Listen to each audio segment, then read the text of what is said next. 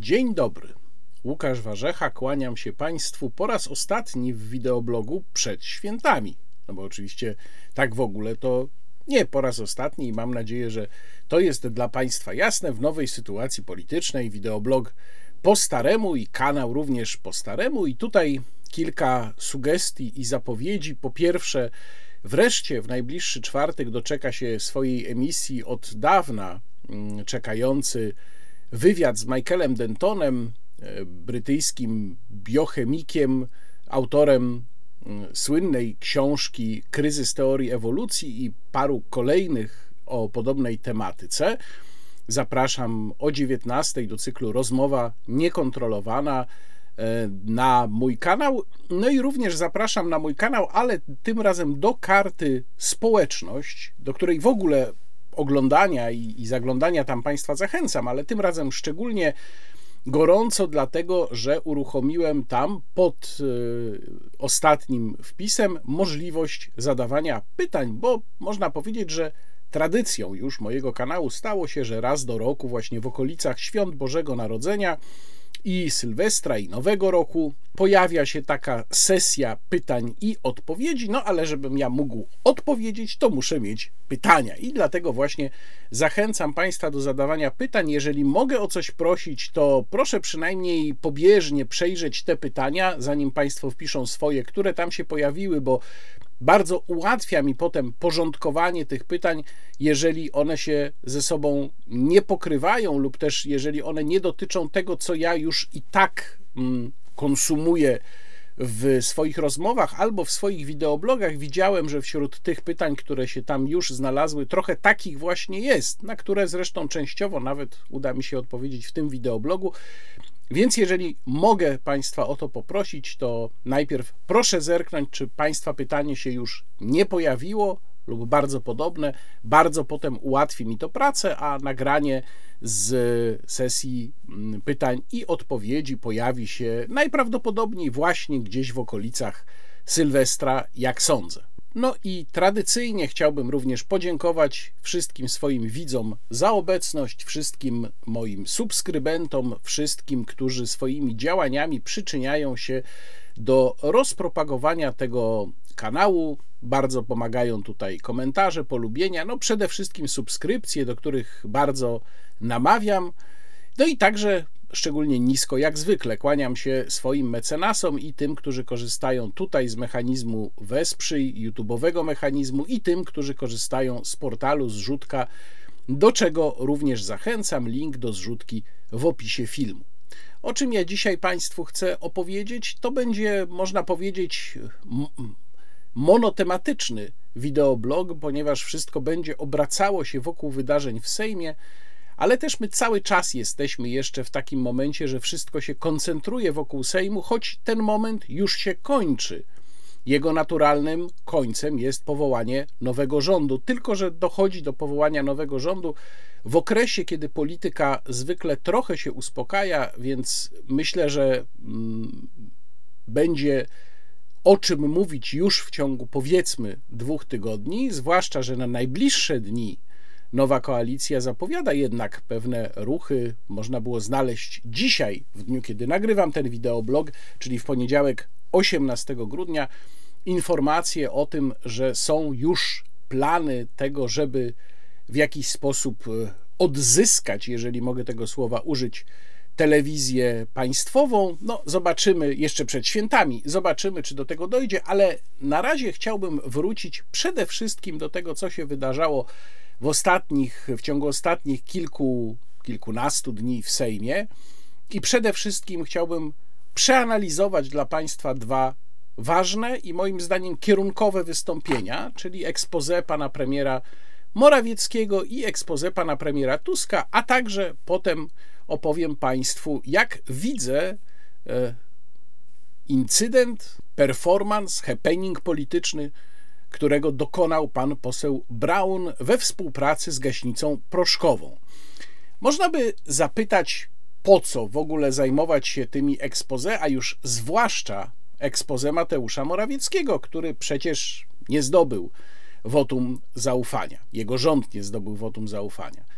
Ja uważam, że warto, że warto przyjrzeć się obu tym wystąpieniom, dlatego że one sygnalizują nam pewien sposób myślenia, działania, pewne kierunki w przypadku wystąpienia Donalda Tuska. Tam zresztą bardzo dużo jesteśmy w stanie wyczytać i z nominacji, o których trochę też będę mówił, i z tego, co się w tym ekspoze nie znalazło. Natomiast w przypadku Mateusza Morawieckiego, o którego ekspoze opowiem Państwu na pierwszym miejscu, myślę, że ono jest na tyle ważne, że może stanowić pewien rodzaj szczepionki przed jakąś nostalgią, która mogłaby się u niektórych zacząć odzywać wkrótce, albo być może już teraz się odzywa za tym rządem, który odszedł w niebyt. To jednak jak się przyjrzymy temu, co wygadywał pan premier Morawiecki w swoim wystąpieniu, to myślę, że jest to bardzo skuteczna szczepionka, czy też odtrutka. I tutaj wyjaśniam również, że podszedłem do tych dwóch wystąpień w różny sposób. To znaczy, pokażę Państwu mniej więcej dziesięciominutowy skrót z wystąpienia Mateusza Morawieckiego, natomiast nie pokażę Państwu skrótu z wystąpienia Donalda Tuska z dosyć prostego powodu. To pierwsze wystąpienie było znacznie treściwsze i trwało tylko godzinę. To drugie wystąpienie było koszmarnie rozwleczone, mało spójne i trwało dwie godziny. I dlatego Donalda Tuska omówię na podstawie e, stenogramu z posiedzenia Sejmu, w którym będę czytał Państwu niektóre warte uwagi i skomentowania fragmenty. Musimy zakończyć wojnę polsko-polską. Natomiast zaczynamy teraz od expose pana premiera Mateusza Morawieckiego, expose z 11 grudnia, z poniedziałku. I tutaj, tak jak powiedziałem, pokażę Państwu skrót tego wystąpienia. Bardzo proszę. To interes zwykłych Polaków, a nie interesy wielkich firm i wpływowych ludzi powinien stać w centrum polskiej polityki. Pierwszą wartością, a zarazem fundamentem naszej wizji przyszłości jest człowiek, jest każdy obywatel Rzeczypospolitej. Człowiek z jego godnością, ale też z wolnością, możliwością decydowania o sobie samym.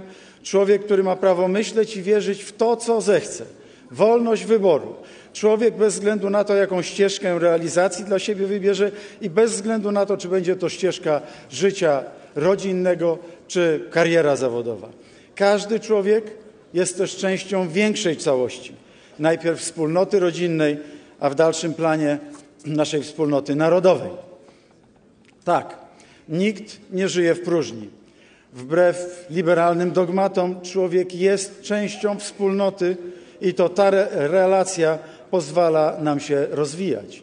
Rodzice muszą móc decydować o ścieżce rozwoju i sprawach swoich dzieci. Tak, rodzice, a nie politycy. Nie godzimy się na jakiekolwiek dalsze odbieranie kompetencji państwom. Jeśli Unia ma przetrwać, to musi odejść od prób łapczywego zagarniania kolejnych kompetencji. Chcę mocno, bardzo mocno podkreślić, miejsce Polski jest w Unii Europejskiej. Ba, naszą rolą jest nie tylko być w Unii, ale Unię aktywnie zmieniać na lepsze. Przed dekadą Polska była krajem bez realnego wyboru. Miliony Polaków wybierały albo bardzo niskie pensje, albo bezrobocie, albo umowa śmieciowa, albo emigracja i częsty rozpad rodziny, brak perspektyw i nadziei. I to było rzeczywiste zło. Nazwijmy wprost tamtą rzeczywistość. Dlatego ucywilizowaliśmy rynek pracy i dokonaliśmy tam tak wielkich zmian polityki społecznej, które dały szansę na poprawę losu milionom ludzi w Polsce. Tę cywilizacyjną zmianę wprowadziliśmy przy jednoczesnym ogromnym obniżeniu podatków.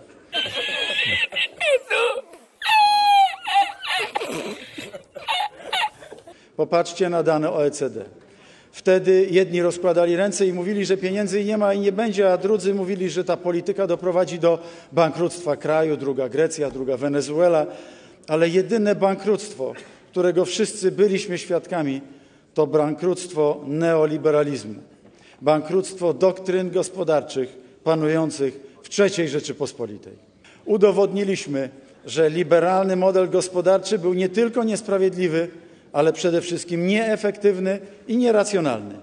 Wprowadziliśmy zupełnie nowy model społeczno-gospodarczy, nowy ustrój do pewnego stopnia, można rzec. Również w tej lewicowej, nazwijmy to, dawnej PPS-owskiej tradycji, tam rosła ta wrażliwość społeczna, jakże potrzebna dla sprawiedliwości społecznej. To Solidarność jest spadkobiercą chrześcijańskiego my myślenia o miłości bliźniego, ale również właśnie robotniczej myśli socjalistycznej. Możemy sobie tak przecież szczerze powiedzieć. A więc ta myśl jest głęboko u filoz filozofii Prawa i Sprawiedliwości obecna. Pierwsze kroki w kierunku państwa solidarnego. Chyba najwybitniejszy polski ekonomista, Michał Kalecki, mówił tak. Argumentacja na rzecz zajęcia, zajęcia, się deficytem budżetowym stała się przygrywką ataku na płace i świadczenia, a oszczędność to tylko kryptonim przekazywania bogactwa i władzy w ręce coraz mniejszej liczby ludzi. Rzeczpospolitą liberalną zamieniliśmy na Rzeczpospolitą solidarną. Zwróćmy także uwagę na nasz awans do grona 20, 20 największych gospodarek świata. Takie awanse nie dokonują się z dnia na dzień ani z tygodnia na tydzień. To efekt naprawy budżetu poprzez wdrożenie zupełnie nowych rozwiązań w Ministerstwie Podatku, Ministerstwie Podatku, Ministerstwie Podatku, w Ministerstwie Finansów. Teraz zastanówcie się Państwo, gdzie byłaby dzisiaj Polska, gdyby nie dokonała się fundamentalna zmiana w zarządzaniu finansami publicznymi i w polityce gospodarczo-społecznej? Co byśmy znaczyli, gdyby w polskim budżecie, jak za dawnych lat, ciągle brakowało pieniędzy na politykę społeczną, na silną armię, na inwestycje w każdej gminie, na tarcze antykryzysowe? Śmiem twierdzić, że od wybuchu pandemii zmagalibyśmy się z recesją, wysokim bezrobociem, przy niskich pensjach, bez osłon socjalnych. Pamiętamy to z różnych terapii szokowych. Tymczasem od 15 roku przychody budżetu państwa wzrosły o ponad 300 miliardów, czyli znacznie ponad dwa razy. Intel, który buduje zakład integracji mikroprocesorów za blisko 20 miliardów, inwestycje Google, Microsoft, gigantów branży, branży IT, motoryzacyjnej czy zaawansowanych usług. 300-tysięczna armia, świetnie uzbrojona, silny polski przemysł zbrojeniowy. 4% PKB na wojsko polskie to fundamenty naszego bezpieczeństwa i naszej suwerenności. Wprowadziliśmy bezpieczny kredyt 2%, który pomaga młodym rodzinom. Jednak choć wiele zrobiliśmy, to nie osiągnęliśmy efektu demograficznego, jaki byśmy chcieli. A to oznacza, że szukając nadziei na sukces demograficzny, musimy zwrócić uwagę na nowe czynniki. Przede wszystkim są to czynniki kulturowe. Czasy się zmieniają. Widzimy, że nasze żony i nasze córki i nasze wnuczki chcą dziś żyć zupełnie inaczej. I wszyscy panowie muszą to zrozumieć. Technologia big data ułatwia życie i jednocześnie oplata nas ciasną siecią zależności. Im bardziej uzależniamy się od technologii, tym bardziej z obywateli stajemy się konsumentami uzależnionymi od wielkich korporacji. Nowe technologie muszą służyć rozwojowi, a nie tylko zyskom wielkich korporacji. Dlatego państwo musi mieć decydujący głos w sprawie rozwoju i wykorzystania narzędzi cyfrowych. Stawką jest tu nie tylko nasza pozycja w łańcuchu dostaw, ale po prostu nasza wolność. Musimy odpowiedzieć sobie na pytanie, czy granice wolności określamy my sami jako państwo, czy będzie nam narzucał ją na przykład Facebook albo Twitter. Internet musi być wolny, także wolny od poprawności politycznej. O to zawsze walczył mój rząd. Wiem, że dla wielu moja propozycja może wydać się zaskakująca, ale czas najwyższy, żeby państwo polskie przygotowywało laboratoria przyszłości, w których będą tworzone modele rozwoju takich instytucji, jak chociażby powszechny, choć w moim odczuciu warunkowy dochód podstawowy. Cytat. Nie będziemy narodem prawdziwie europejskim, póki nie wyodrębnimy się z Europy, gdyż europejskość nie polega na zlaniu się z Europą, lecz na tym, by być jej częścią składową, specyficzną i nie dającą się niczym zastąpić. to Gombrowicz. Dlatego zaproponuję też dyskusję nad pakietem demokratycznym dla polskiego Sejmu. Nie, nie na teraz, nie bójcie się. Na przyszłą kadencję, od przyszłej kadencji. Jaka będzie Polska? Polska będzie taka, jacy będą Polacy. Musimy zakończyć wojnę polsko-polską. Musimy zakończyć wojnę polsko-polską. Musimy zakończyć wojnę polsko-polską.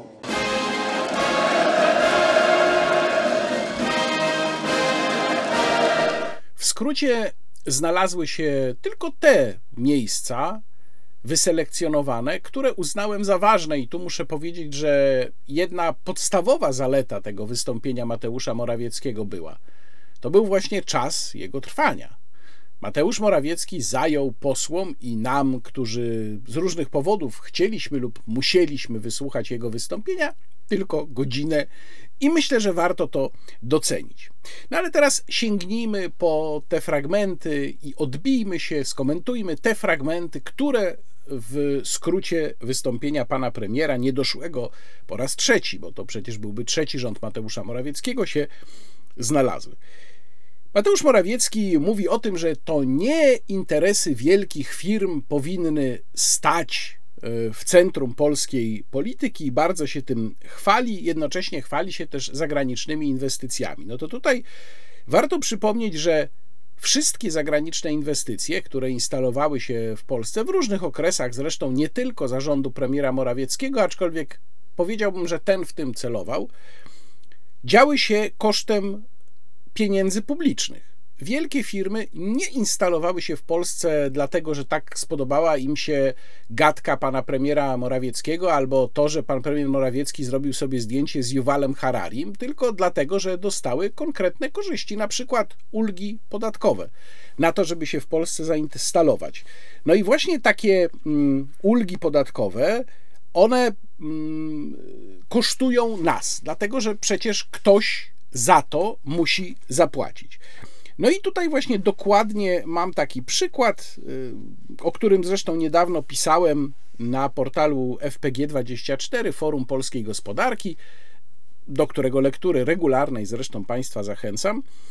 Mianowicie rząd y, premiera Morawieckiego, warto to pamiętać, doprowadził do radykalnego zwiększenia obciążeń dla małych i średnich firm, przede wszystkim poprzez Polski Ład, czyli wzrost e, składki zdrowotnej niemożliwej do odliczenia. Tu nawiasem mówiąc, czekam na spełnienie obietnicy nowej koalicji, o czym na razie nie słychać, o powrocie do dawnego systemu obliczania tej składki, a także poprzez wzrost składek w ogóle wynikający między innymi z podwyższania wynagrodzenia minimalnego, bo to się przekłada na prognozy gusowskie, według to, których prognoz gusowskich obliczane są składki dla przedsiębiorców na kolejny rok, a jednocześnie właśnie były te ulgi dla wielkich firm i tu, żeby nie być gołosłownym i przywołać przykład, o którym właśnie pisałem na FPG24, to przypomnę. Intel, którym zresztą w innym fragmencie wystąpienia pan premier Morawiecki się chwalił. Wspominał nawet o Intelu, wymieniając go z nazwy. Otóż inwestycja Intela mm, na Dolnym Śląsku, gdzie Intel buduje fabrykę, przyniesie zatrudnienie około 2000 osób. Natomiast nie mamy, nie dostaliśmy w żadnym momencie oficjalnej informacji o tym, ile wynoszą te korzyści, ulgi różnego rodzaju które firma dostanie w zamian za zainstalowanie się w Polsce, ale są takie nieoficjalne informacje. I te nieoficjalne informacje mówią o korzyściach obliczanych na około 6 miliardów złotych. No, czyli jeżeli wykonamy tutaj proste obliczenie, to wychodzi nam, że jedno miejsce pracy w fabryce Intela, ta świetna zagraniczna inwestycja, do której doprowadził rząd Tuska, kosztuje, uwaga, 3 miliony złotych. Jedno miejsce za 3 miliony złotych. No to już muszą sobie Państwo sami odpowiedzieć na pytanie, czy to nam się opłaca.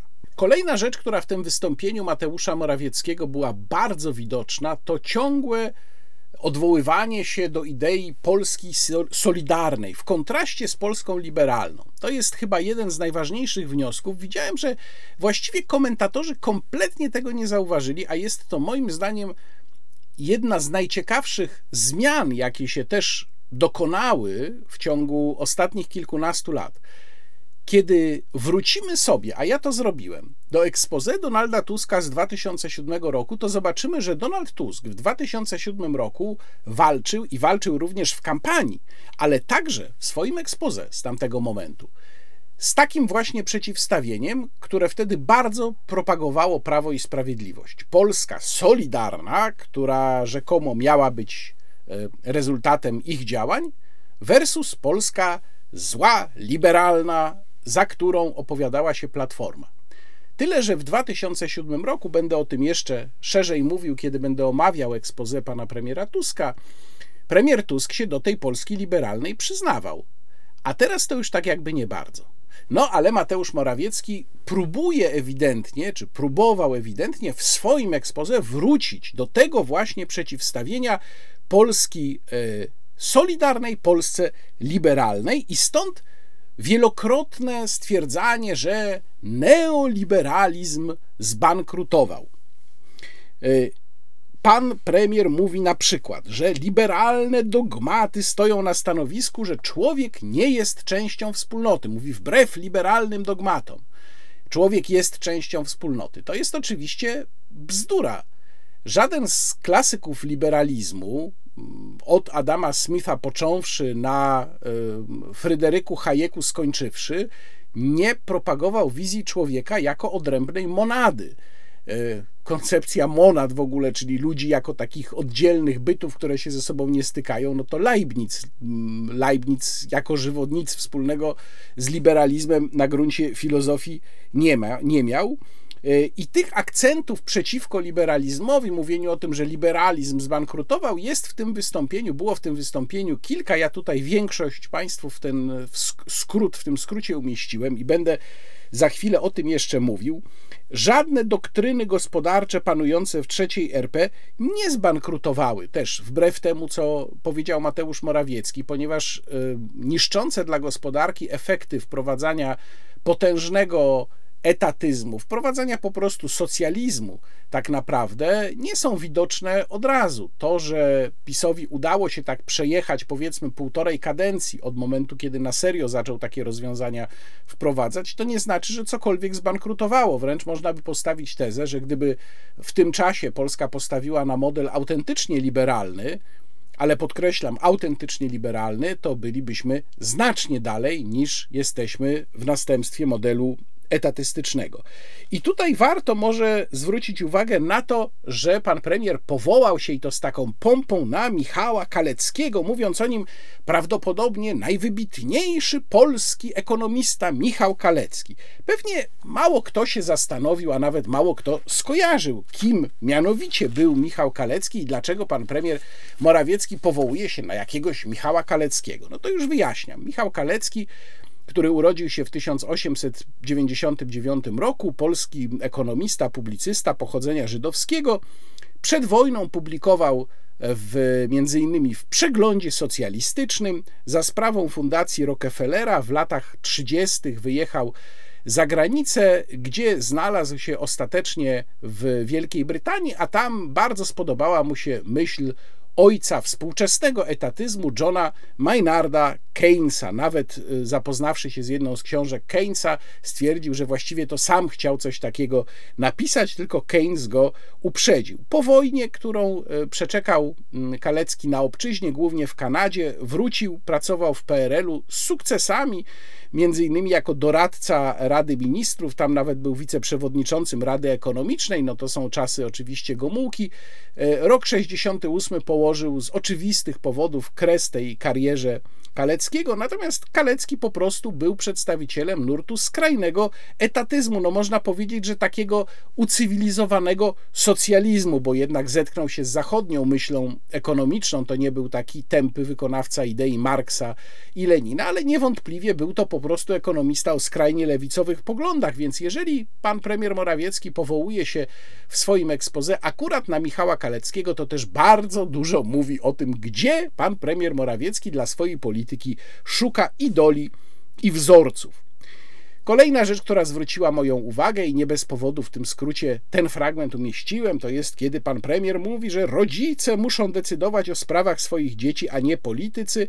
Tu przypomnę, że to PiS wprowadził zmiany w prawie łowieckim, które zabraniają rodzicom decydować o tym, żeby za, mogli zabierać własne, nie tylko cudze, ale własne dzieci na polowania.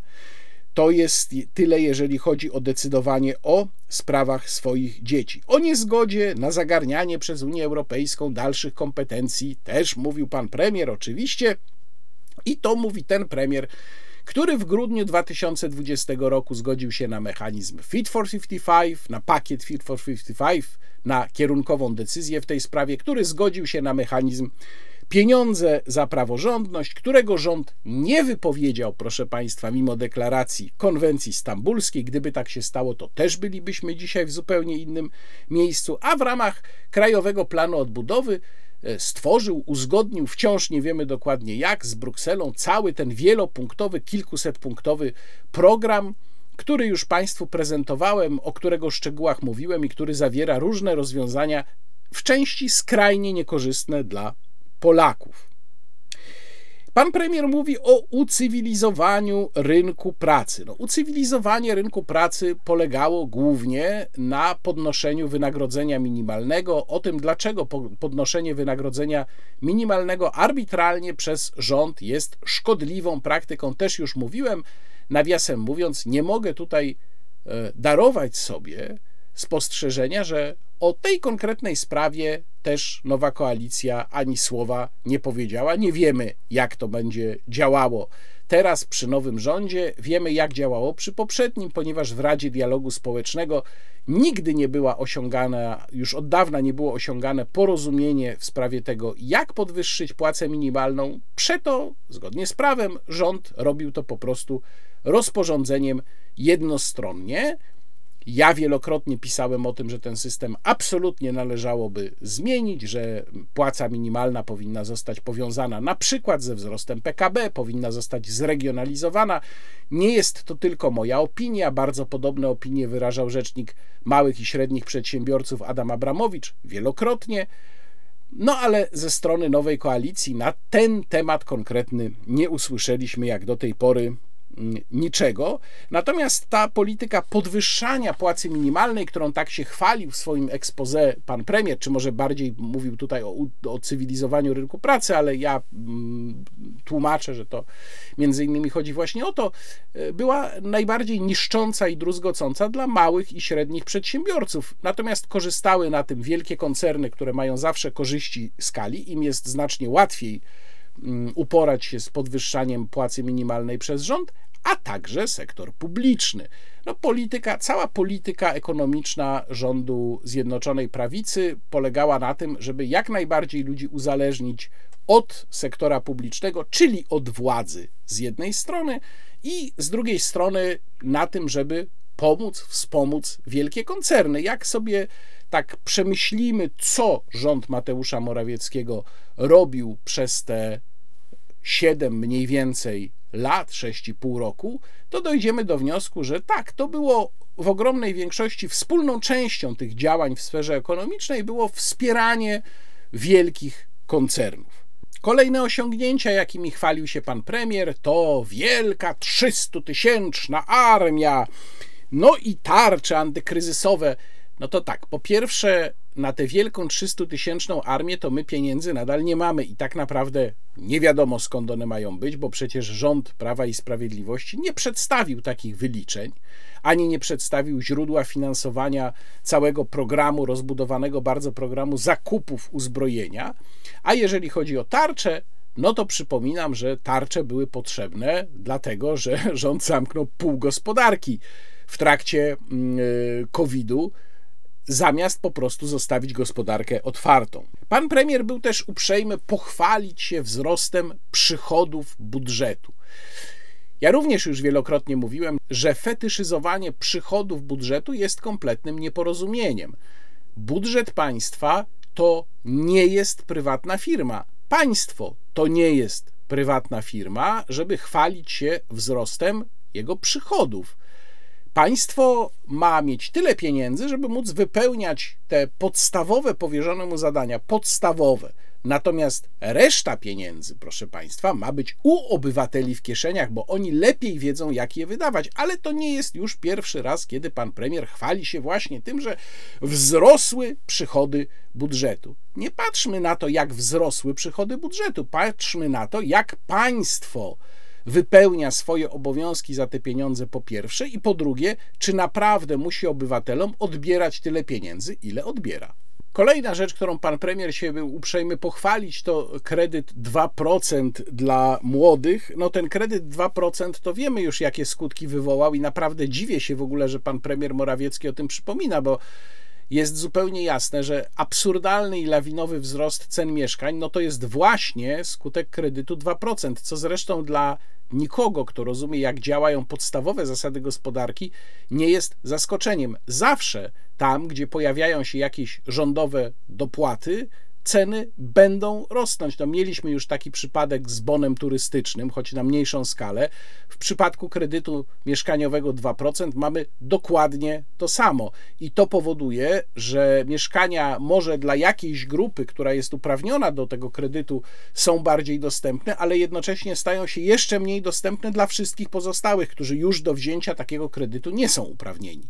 Pan premier mówi też o wolności słowa i mówi o wielkich korporacjach cyfrowych, nawet wymieniając z nazwy Facebooka i Twittera, i mówi, że one nie mogą tutaj decydować, że jego rząd był zawsze za wolnością słowa.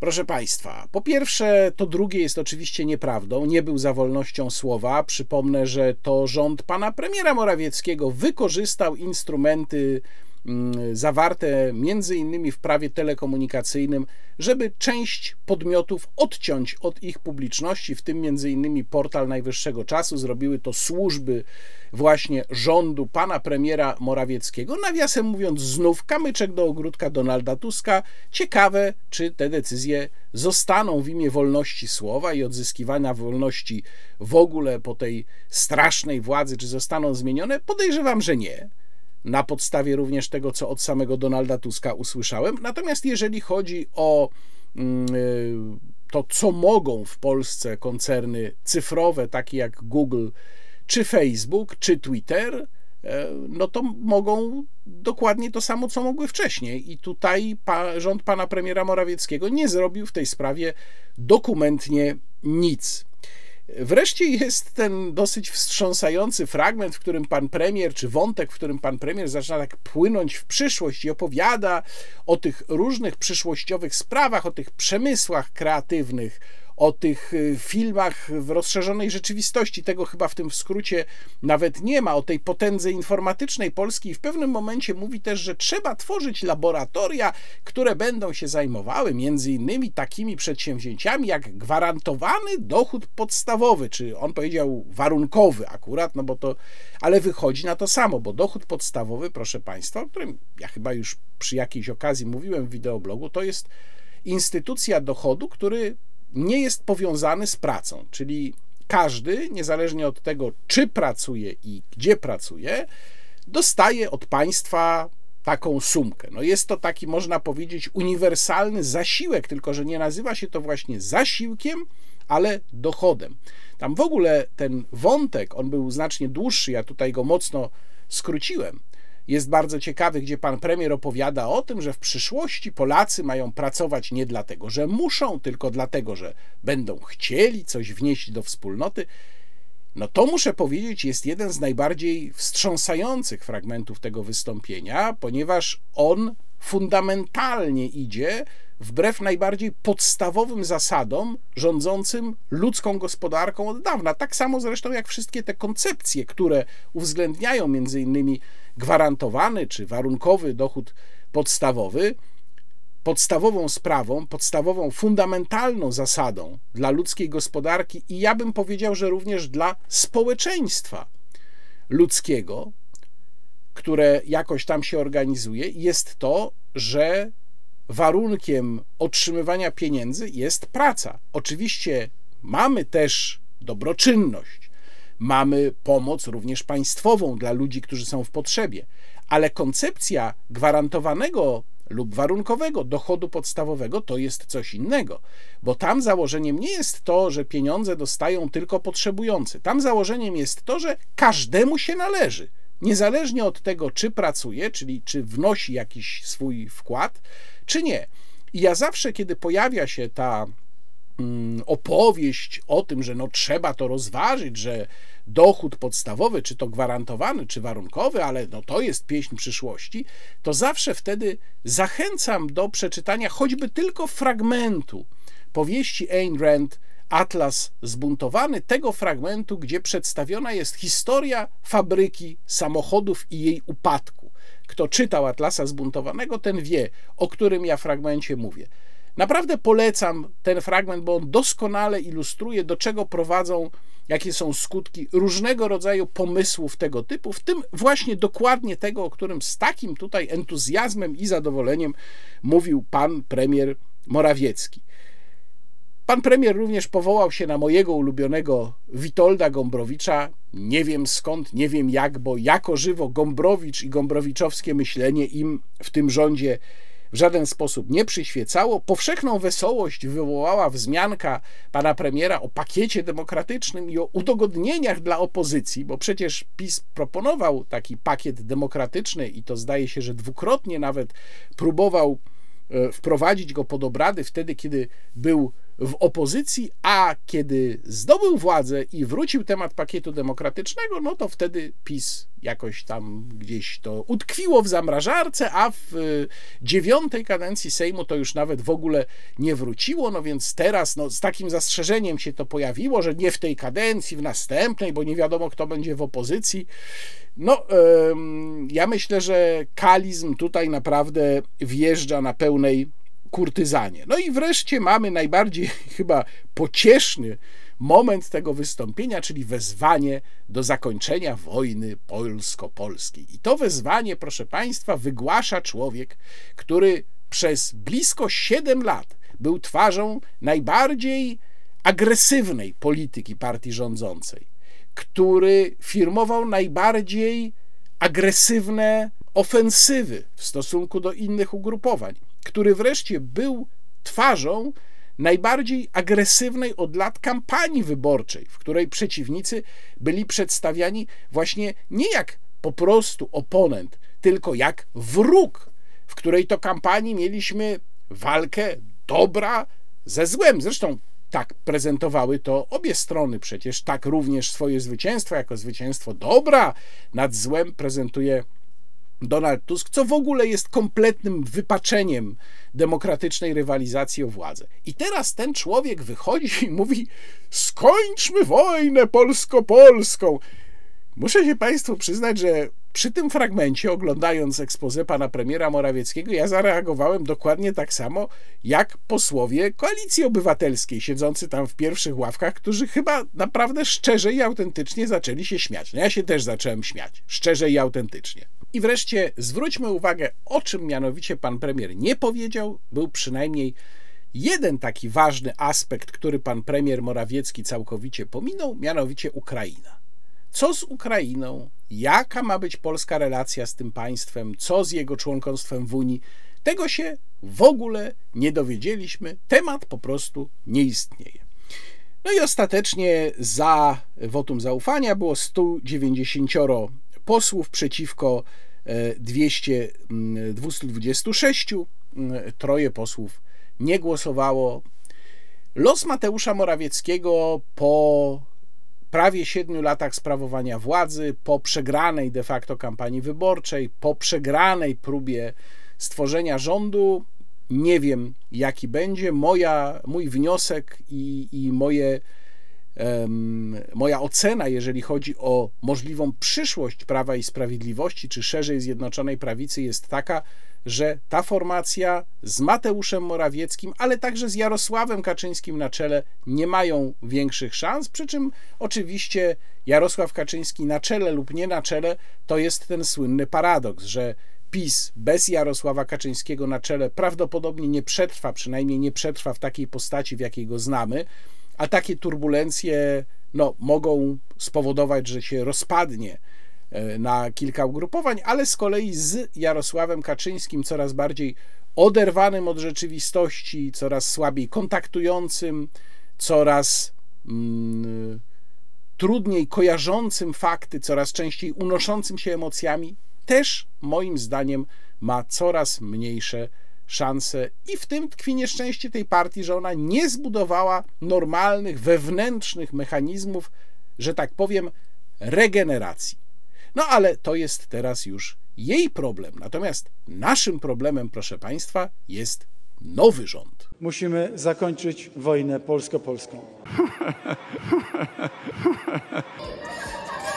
Tak jak powiedziałem, ja nie będę pokazywał Państwu skrótu z wystąpienia Donalda Tuska. Mam przed sobą tutaj e, transkrypcję z posiedzenia Sejmu, na którym Donald Tusk wygłaszał 12 grudnia swoje expose i będę Państwu czytał niektóre fragmenty, rozpoczynając od tego, kiedy Donald Tusk właśnie podzielił się z posłami refleksją z 2007 roku, sprzed 16 lat, kiedy to dostał telefon z domu, że e, mówił trzy godziny i to, co zapamiętali Polacy, to to, że mówiłeś trzy godziny. Tak to cytował Donald Tusk. No więc zapowiedział, że teraz skupi się tylko na najważniejszych sprawach, po czym mówił dwie godziny. I w ciągu tych dwóch godzin co najmniej 45 minut poświęcił na takie pływające ogólniki, które miały pewien, powiedziałbym, ideologiczny rys nadać temu wystąpieniu i jego rządowi, ale których merytoryczna wartość była właściwie żadna. I o czym w takim razie Donald Tusk mówił?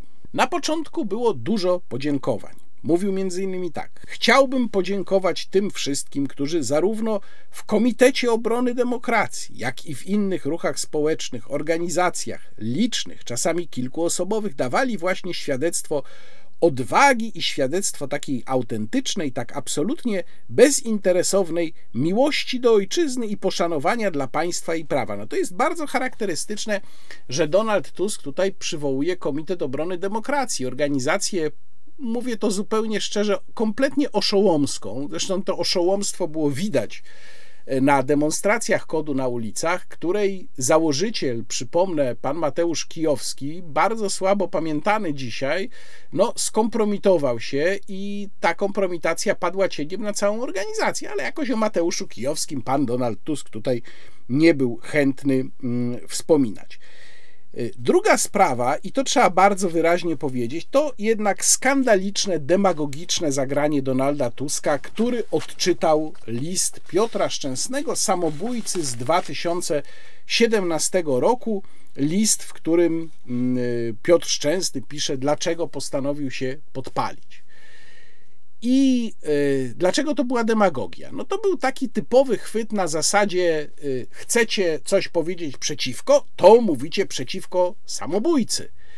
I zresztą wpisał się doskonale w tę demagogię Szymon Hołownia. Nawiasem mówiąc, tu muszę Państwu powiedzieć, że Szymon Hołownia, który na początku mm, zasłużył na jakiś, y, na jakiś kredyt zaufania, rzeczywiście rozpoczynając swoją rolę jako marszałek Sejmu w sposób znacznie bardziej koncyliacyjny i bardziej cywilizowany niż to robiła pani marszałek Witek, mam wrażenie, że bardzo mm, szybko pogrąża się w odmętach celebryckości, jeżeli mogę tak powiedzieć. Ten celebrytyzm zaczyna z niego wychodzić. I mam wrażenie, że jego marszałkowanie jest coraz bardziej przekierowane właśnie na celebrytyzm, ukierunkowany na prezydencką kampanię wyborczą, gdzie zresztą ostatnio pan marszałek przyznał otwarcie, że będzie chciał startować na prezydenta, niż na merytoryczne, dobre kierowanie obradami Sejmu. No ale co tutaj powiedział pan marszałek Hołownia powiedział w momencie, kiedy zaczęły się odzywać z sali komentarze do tego listu, powiedział: e, Nie musicie się Państwo zgadzać z poglądami tego człowieka, ale bardzo proszę o szacunek dla majestatu śmierci. To jest obywatel Rzeczypospolitej Polskiej, który wyraził swoją opinię i przypieczętował ją swoim życiem. No ale przepraszam bardzo, czy to ma oznaczać, że każda osoba, która cokolwiek napisze, co nam pasuje politycznie, mająca problemy psychiczne, wygłasza jakieś słowa objawione. Ten chwyt właśnie dlatego był skrajnie demagogiczny ze strony Donalda Tuska, że miał w zamierzeniu wykluczyć jakąkolwiek polemikę. Ja tylko przypomnę, że pan Piotr Szczęsny, świeć panie nad jego duszą, popełnił samobójstwo w roku 2017. No nie były to jako żywo ani okoliczności skrajne, rok 2017, ani też nie można tego, no, nawet przy najgorszej woli, porównywać z okolicznościami, w jakich na przykład popełnił samobójstwo na stadionie dziesięciolecia Ryszard Siwiec, ponieważ tam mieliśmy do czynienia z państwem totalitarnym, a co najmniej autorytarnym. Różnie tutaj niektórzy oceniają, natomiast w 2017 roku mieliśmy normalne państwo demokratyczne. PiS wygrał wybory potem po raz drugi, teraz je przegrał, oddał władzę. No, jeżeli ktoś, przepraszam, popełniał samobójstwo w roku 2017, to ja bym miał bardzo duże wątpliwości co do trzeźwości jego oglądu rzeczywistości. I drugi powód, dla którego to zagranie Donalda Tuska było po prostu obrzydliwe w gruncie rzeczy, to instrumentalne posłużenie się cytatem z samobójcy. I jak słusznie zwrócił tutaj uwagę mój współrozmówca z cyklu Warzecha i Dymek, Kuba Dymek, takie aprobatywne przytaczanie listu samobójcy może spowodować wystąpienie u osób, które rozważają samobójstwo, tak zwanego efektu Wertera, czyli może je to skłonić właśnie do tego, żeby samobójstwo popełnić, więc była to, było to ze strony pana premiera Tuska posunięcie absolutnie nieodpowiedzialne. Oczywiście ja sobie przypominam, jaki raban się podniósł wtedy, kiedy ja raz napisałem o panu marszałku Kuchcińskim, że jest osobą autystyczną, co oczywiście jest absolutnie dopuszczalnym porównaniem, bo tutaj mówimy o autyzmie w sensie mm, w sensie potocznym. I tam się odezwały jakieś masy wzburzonych ludzi piętnujących mnie za użycie takiego określenia, a teraz kiedy Donald Tusk przeczytał list samobójcy, co może mieć po prostu bardzo wymierne niestety skutki dla osób, które mają problemy psychiczne, cisza, cisza. Nikt z tamtych osób się nie odezwał, żeby Donalda Tuska potępić. Kolejna sprawa, która się w wielu miejscach zresztą przewija wystąpienia Donalda Tuska. Hasło wspólnota. Mówi Donald Tusk na przykład tak: Przecież mieliśmy, mamy i będziemy mieli różne poglądy na wiele spraw, ale chcemy być wspólnotą i temu przede wszystkim będzie służyła praca nowego rządu. Dalej mówi tak: Będę prosił Was wszystkich, żebyście pomyśleli o tych republikańskich fundamentach, ramach, które pozwalają budować wspólnotę polityczną i wspólnotę narodową. To nie jest oczywiście, tylko dwa fragmenty, dwa przykłady, tego jest dużo więcej. Problem w tym, że Donald Tusk, tak dużo mówiąc o wspólnocie w swoim wystąpieniu, nie powiedział niczego konkretnego. No bo jeżeli mamy sytuację bardzo głębokiego podziału, jeżeli do władzy dochodzi ta trójkoalicja, i w tej trójkoalicji są również ludzie, o tym jeszcze będę więcej mówił przy okazji omawiania składu rządu, są również ludzie bardzo, powiedziałbym tak ideologicznie, jednak radykalni i radykalnie nastawieni. A tutaj pan premier mówi o wspólnocie, to wydaje mi się, że on powinien mieć jakąś ofertę dla tych ludzi, którzy nie głosowali na którąś z tych trzech partii, którzy nie głosowali na trójkoalicję powinien powiedzieć im: Nie martwcie się, wasze prawa będą uszanowane, nie będziemy prowadzić żadnej ideologicznej, twardej wojny, ale on nic takiego nie mówi.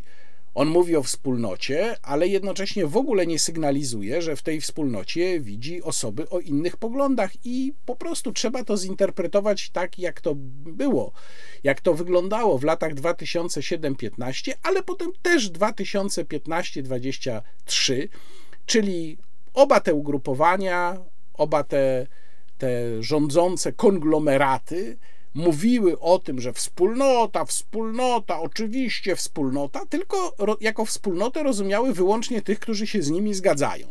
Ci drudzy już byli poza wspólnotą i to do tego stopnia, że nawet w ogóle nie byli wspominani. Ja pamiętam nawet takie enuncjacje pani poseł Lichockiej. Ciekawe, jak tam ona się teraz czuje w tej nowej sytuacji e, politycznej, która mówiła, że tych innych to właściwie w ogóle nie potrzeba, że oni nie są potrzebni, że niech sobie tam gdzieś żyją na marginesie. Miała taką wypowiedź swego czasu. No to Donald Tusk po prostu wchodzi dokładnie właśnie w te buty i mówi dokładnie coś takiego. Wspólnota, wspólnota, ale ta wspólnota to nasi, a tamci to już nie. Donald Tusk po raz drugi po 2007 roku, bo wtedy też to zrobił, sięga po cytat z Jana Pawła II, mówiąc, że nie ma solidarności bez miłości. Dokładnie ten sam cytat przytaczał w 2007 roku w swoim ekspoze Donald Tusk. No, ta polityka miłości też była już przez Platformę Obywatelską uprawiana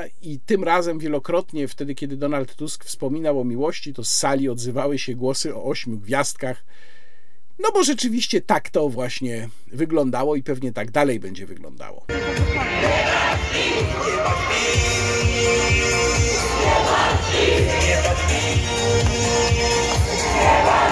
W ramach tego nawoływania do wspólnoty i do pogodzenia się, Donald Tusk mówił m.in. tak: Nie będę musiał państwa przekonywać, że naród podzielony, naród skłócony z władzą, która na konflikcie buduje swoją pozycję, naród, w którym różne grupy uznają za nieważne reguły przyjęte, czy to w konstytucji, czy w innych przepisach prawa, że taki naród narażony będzie wielokrotnie bardziej na ryzyka związane z konfliktami, które targają dzisiaj światem i naszym regionem. Jak to należy odczytywać? Już nie będę innych fragmentów dotyczących tej sprawy Państwu tutaj czytał, chociaż mam ich więcej zaznaczonych. No, należy to czytać w taki sposób. My wprowadzamy taranem nasze porządki. Kto się z tym nie zgadza, to gra na podzielenie narodu, czyli gra na zwiększenie niebezpieczeństwa, czyli albo zgódź się ze wszystkim, co my robimy, nawet jeżeli to bardzo ostro wchodzi w sferę ideologiczną, jeżeli to wchodzi w sferę Twoich przekonań, Twojej wiary, to musisz się na to zgodzić, bo jak nie, to będziesz tym mącicielem, który sprzyja zwiększeniu zagrożenia dla Polski to znów nie jest nic nadzwyczajnego. To znaczy, to jest w dużej mierze powtórzenie tego, co mówiła odchodząca władza przez 8 lat swoich rządów, a ta władza po prostu tylko tę metodę powtarza, przykrywając to, maskując to pięknymi słowami o jedności, o jednoczeniu się narodu. Kolejny ciekawy fragment z wystąpienia Donalda Tuska. Polska odzyska pozycję lidera Unii Europejskiej. Polska będzie budowała swoją siłę, swoją pozycję, na jaką zasługuje, bo nie ma w tym słowa przesady. Pozycję lidera w Unii Europejskiej przez współpracę i przez poszanowanie tej większej wspólnoty, jaką jest dzisiaj Europa. Jesteśmy tym silniejsi, jesteśmy tym bardziej suwerenni, im silniejsza jest nie tylko Polska, ale także wspólnota europejska. Proszę wszystkich, dalej mówił Donald Tusk abyśmy przestali udawać, że zagrożeniem dla Polski są nasi przyjaciele i sojusznicy z Paktu Północnoatlantyckiego i Unii Europejskiej. Mogę Państwa uspokoić, żadne manewry, żadne próby gier, żadne próby zmian traktatów, które są wbrew naszym interesom, podkreślam to, to nie wchodzi w rachubę. Po pierwsze, Polska nie odzyskuje żadnej i nie może odzyskać żadnej pozycji lidera Unii Europejskiej, ponieważ nigdy liderem Unii Europejskiej nie byliśmy. W czasach, kiedy rządziła Platforma Obywatelska, Platforma twierdziła, że my siedzimy przy najważniejszym stole, ale tak naprawdę sprowadzało się to do płynięcia z głównym nurtem to się nie zmieniło w czasie rządów PiS. To znaczy, PiS dużo krzyczał i też płynął z głównym nurtem. Tutaj praktycznie nie ma żadnej różnicy.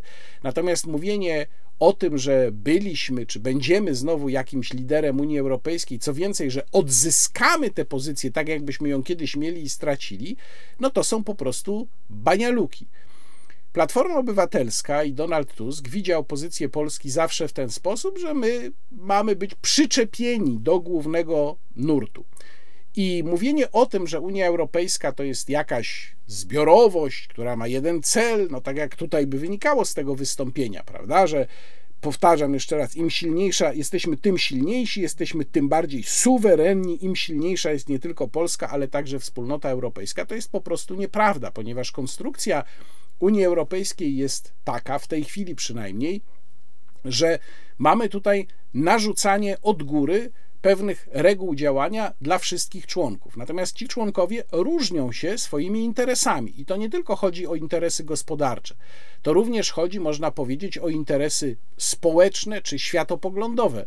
Nie wszyscy chcą się podpisać pod tymi samymi regułami, nie wszystkie społeczeństwa są identyczne. Nie jest prawdą, że jesteśmy tym silniejsi, im silniejsza, w sensie bardziej zintegrowana jest Unia Europejska. Ale to jest oczywiście temat, który przy innych okazjach będę w wideoblogu również omawiał, co zresztą już mi się zdarzało. Nie chcę tutaj wchodzić w zbyt głębokie detale, chcę tylko pokazać, że nie jest prawdą to, jak przedstawia tę sytuację Donald Tusk i jeżeli jest to zapowiedź powrotu do polityki płynięcia z głównym nurtem, nawet bez próby jakiegoś retorycznego odróżnienia się, no to nie zapowiada to żadnej zmiany na lepsze, a być może nawet zmianę na gorsze. Kiedy Donald Tusk mówi, że mamy przestać udawać, że zagrożeniem dla Polski są nasi przyjaciele i sojusznicy z Paktu Północnoatlantyckiego i Unii Europejskiej, to oczywiście znów mm, trochę rżnie głupa.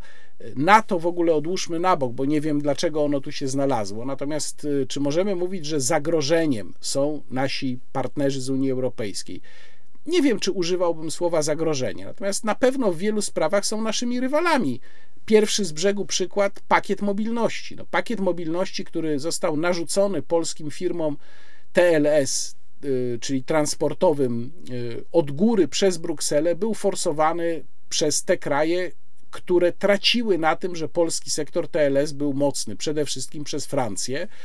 I chodziło tutaj o to, żeby za pomocą instytucjonalnej regulacji utrącić naszą przewagę w tej dziedzinie, co się zresztą w jakiejś mierze udało. Teraz niestety nasz sektor TLS wykańczają dodatkowo Ukraińcy. O tym jeszcze będę mówił, bo Donald Tusk się bardzo obszernie odnosił do kwestii ukraińskich w swoim wystąpieniu. Czyli y, mamy Unię Europejską, w której nie ma jakiejś mm, jednej wielkiej wspólnoty idealnego interesu. Po prostu ci, którzy mają wpływ na instytucje Unii Europejskiej, za pomocą tych instytucji i ustawodawstwa unijnego próbują realizować własne interesy.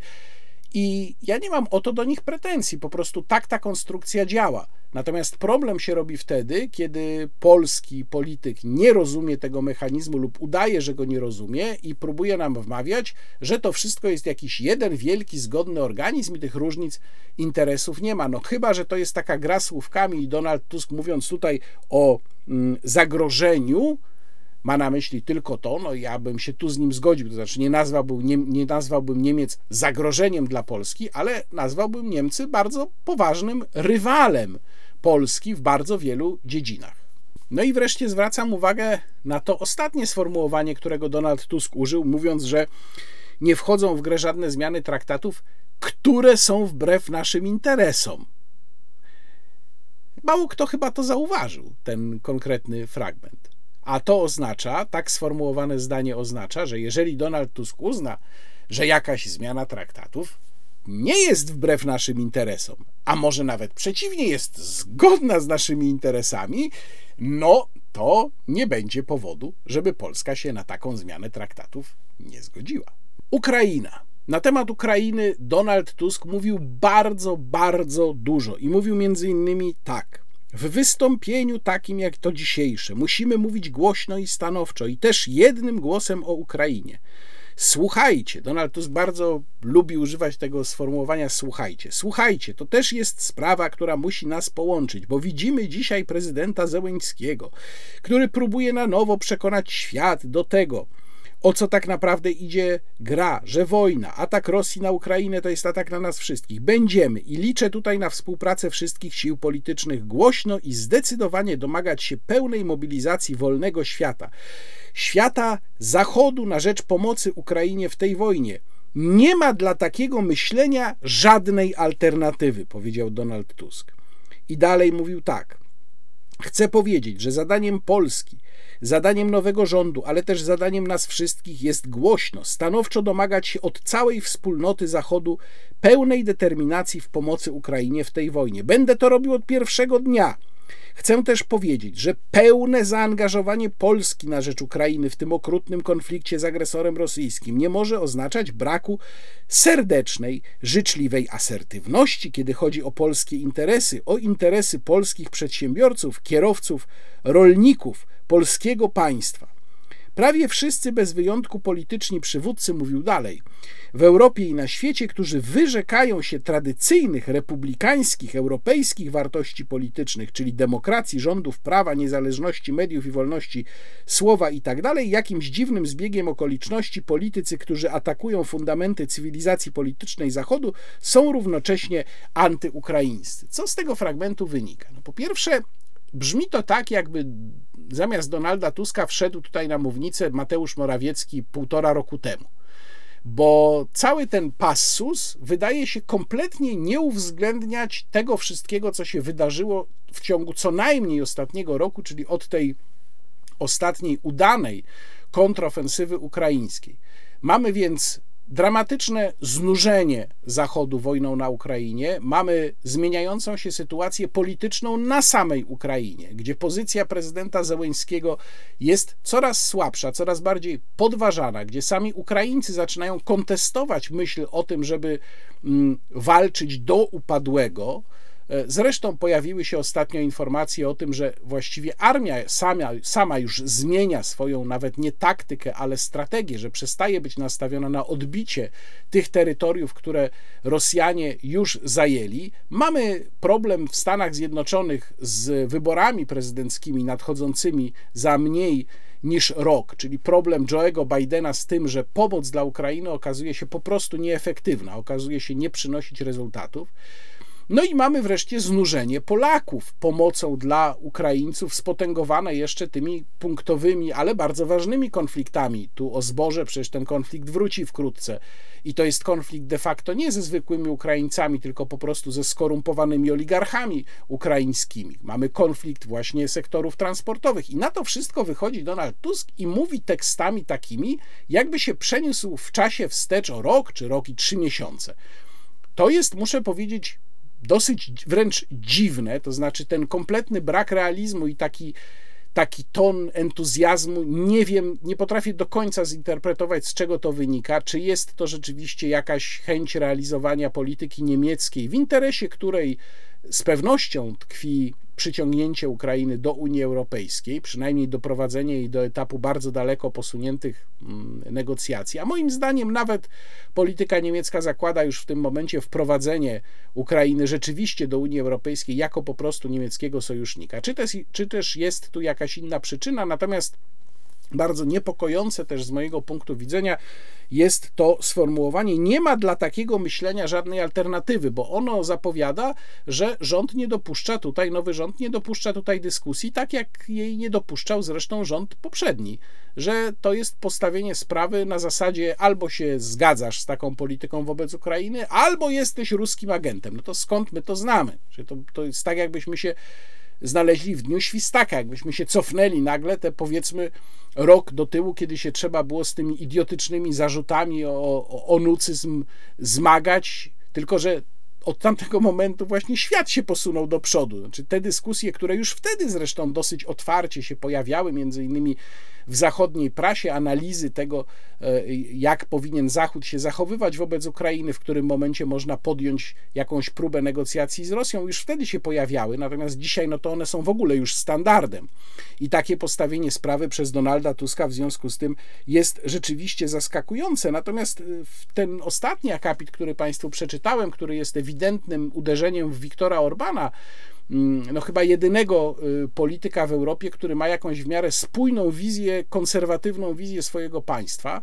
E, on pokazuje, mm, do czego prawdopodobnie Donald Tusk chce wykorzystać takie podejście. To znaczy, on kontynuuje tę wyjątkowo obłudną, fałszywą, e, szkodliwą kompletnie dla rozmowy o polskim interesie linię z kampanii wyborczej, linię przerzucania się oskarżeniami o sprzyjanie Putinowi, o onucyzm właśnie, tak żeby można było swoich pol przeciwników politycznych wrzucić do tego jednego worka jako sojuszników Putina, a skoro sojusznik Putina, znaczy może inaczej jeszcze, skoro nie sprzyjają maksymalnie Ukrainie, to są sojusznikami Putina, a jak są sojusznikami Putina, to też są antydemokratyczni, czyli wszystko się układa w jedną całość. No i to jest takie zgrabne narzędzie, zgrabna pałka do tego, żeby swoich przeciwników politycznych można było nią okładać po głowie.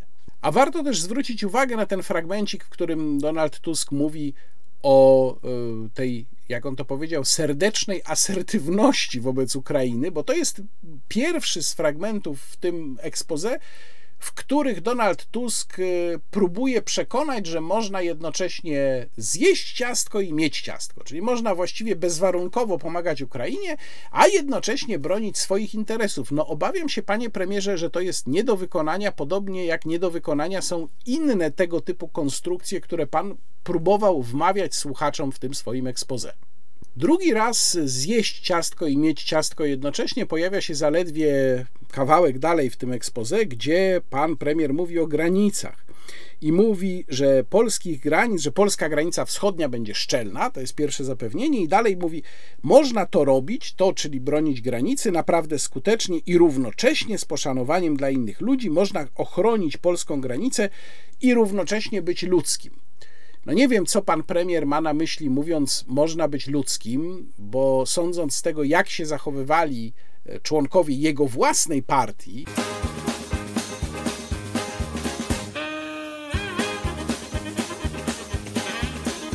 lub partii koalicyjnej, czyli lewicy, w stosunku do um, migrantów, którzy próbowali się przedrzeć przez polską granicę, um, no to taka, takie bycie ludzkim spowoduje po prostu zdwojony napływ, ponieważ twarde fakty i brutalna prawda są takie, że jedynym sposobem jest po pierwsze spowodowanie, że granica będzie jak najszczelniejsza, że tak powiem, fizycznie, ale drugi równie ważny sposób to jest pokazanie migrantom, że nie mają tam czego szukać. A tego się niestety w sposób często taki właśnie łzawo-humanitarny nie da zrobić.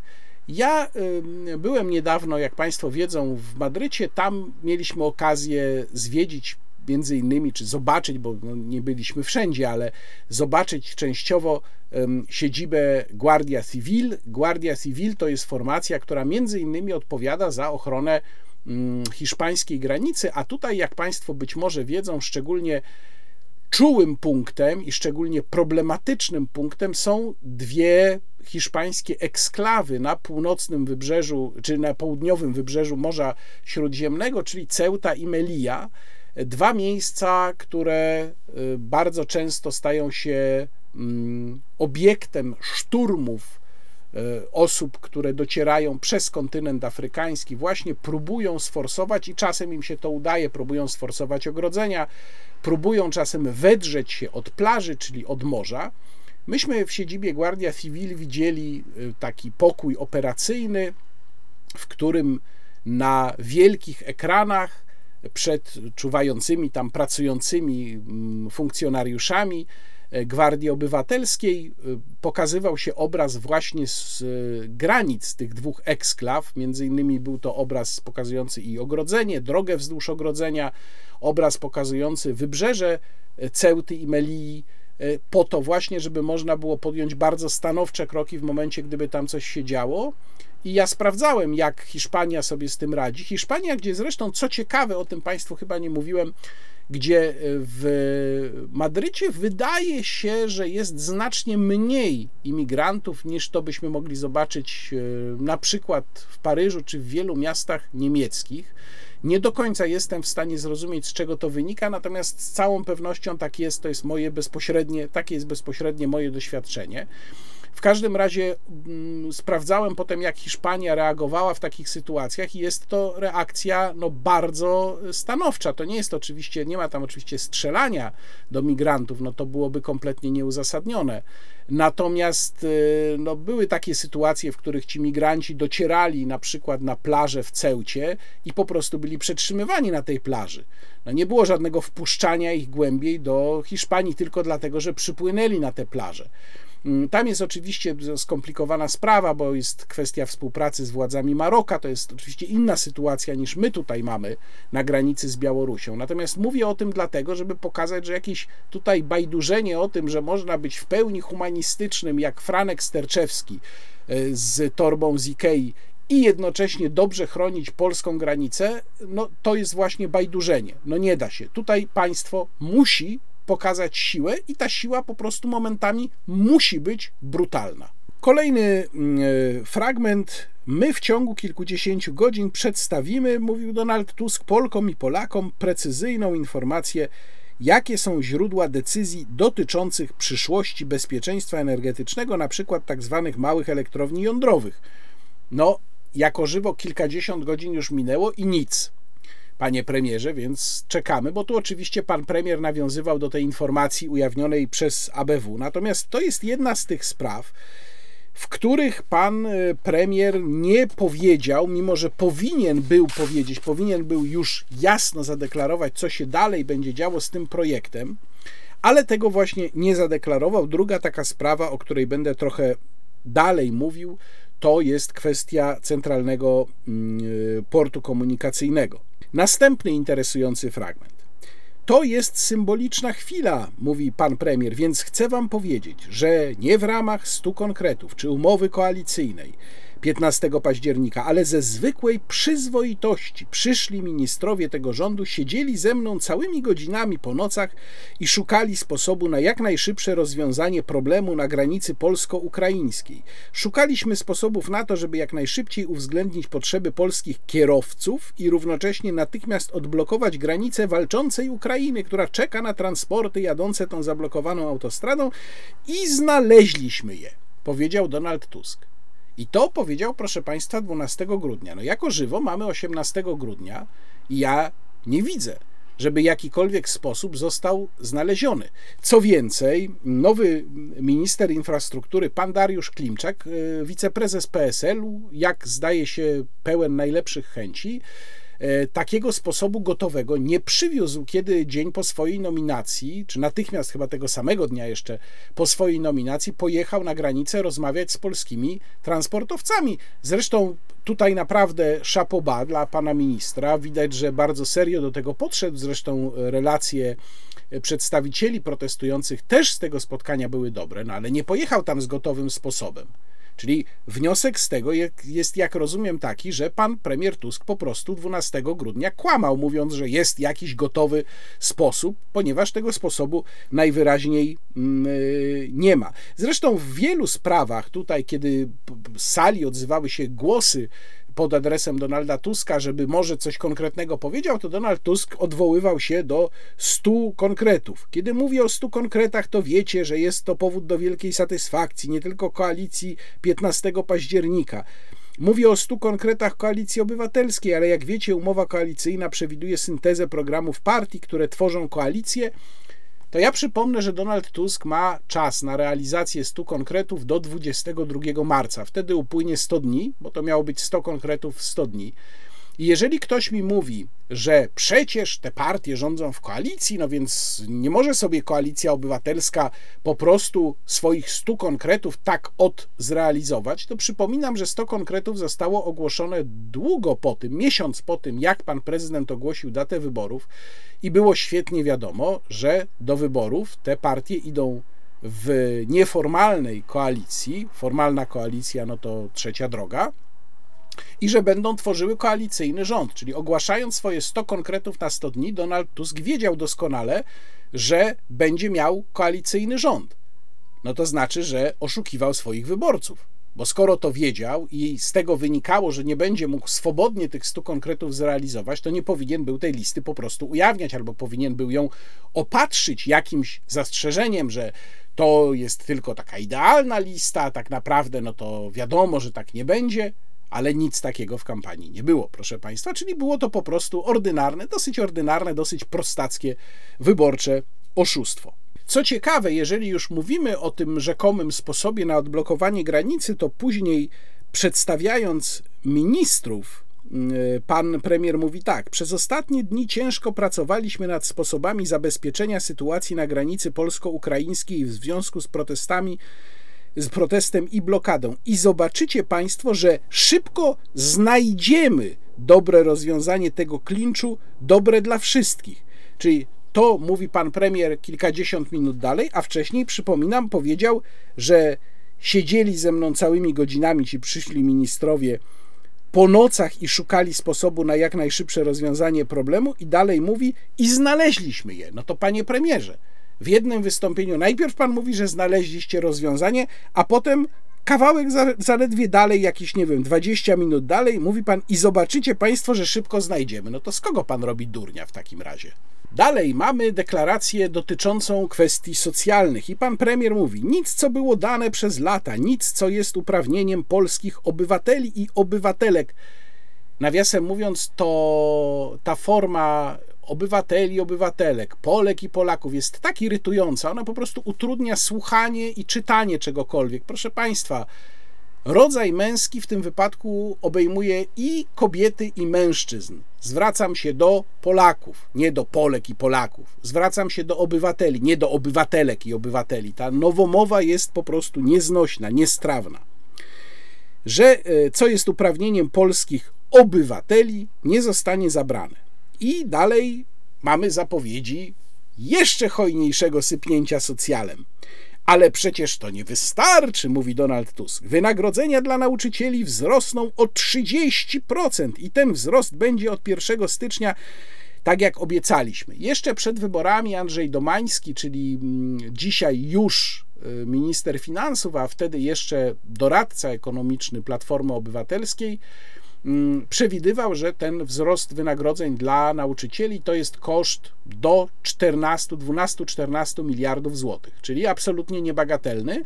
Natomiast kiedy była mowa o kolejnym punkcie, kolejnej obietnicy, wynagrodzenia dla całej, całej sfery budżetowej wzrosną o 20%, powiedział Donald Tusk, to tu Andrzej Domański mówił, e, no ten wzrost sfery budżetowej nie jest taką prostą sprawą, czy to jest bardziej skomplikowana sprawa. A dokładnie, przepraszam, bo mam tu cytat, to bardziej złożony proces, czyli tutaj nawet nie wiemy, ile to będzie kosztowało. Wiemy, że tak pyk, ma się znaleźć około do 14, 13-14 miliardów złotych. Dokładnie tutaj mam cytat 13-14 miliardów złotych.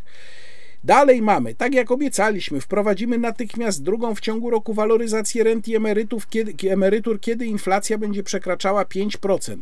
Śmiali się, śmialiście się z babciowego. Będzie babciowe w tym roku kompletnie bez sensu zresztą, w ramach programu Aktywna Mama każdej mamie, której rodzinie, wszystkim rodzicom, którzy potrzebują tej pomocy na opiekę nad swoim maleństwem, wypłacimy 1500 zł miesięcznie.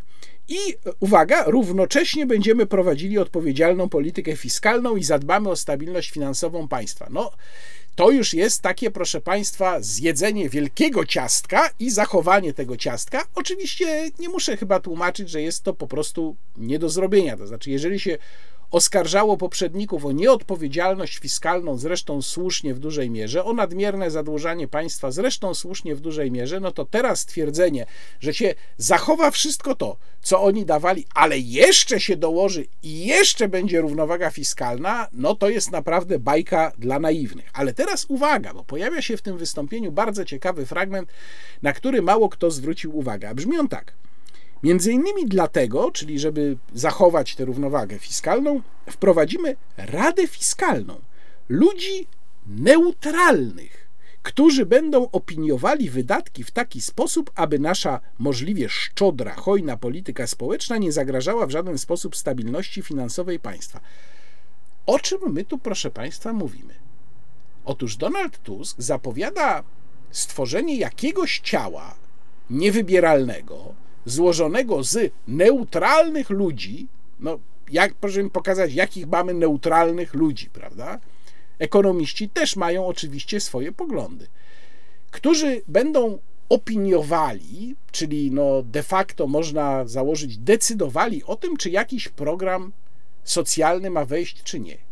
O co tutaj chodzi? No ja przypuszczam, że tu może chodzić na przykład o taką sytuację. Donald Tusk wyjdzie i mówi: Babciowe, oczywiście.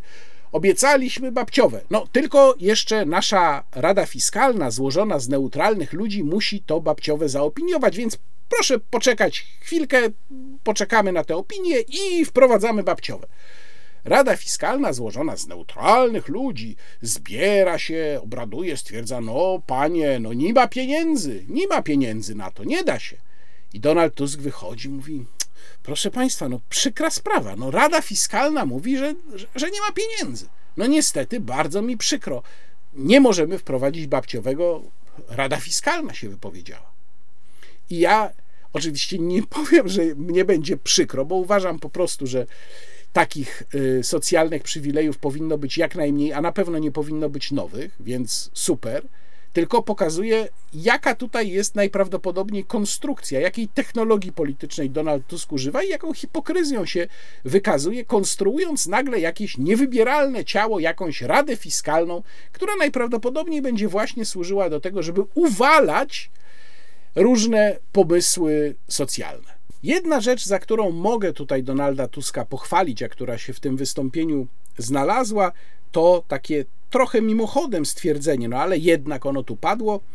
E, nadzór cywilny nad polskim wojskiem to jest dzisiaj coś naprawdę kluczowego, powiedział Donald Tusk i dalej stwierdził, ten nadzór to przede wszystkim konsekwentne uzbrajanie polskiej armii z poszanowaniem tych wszystkich zobowiązań i kontraktów zawartych przez naszych poprzedników.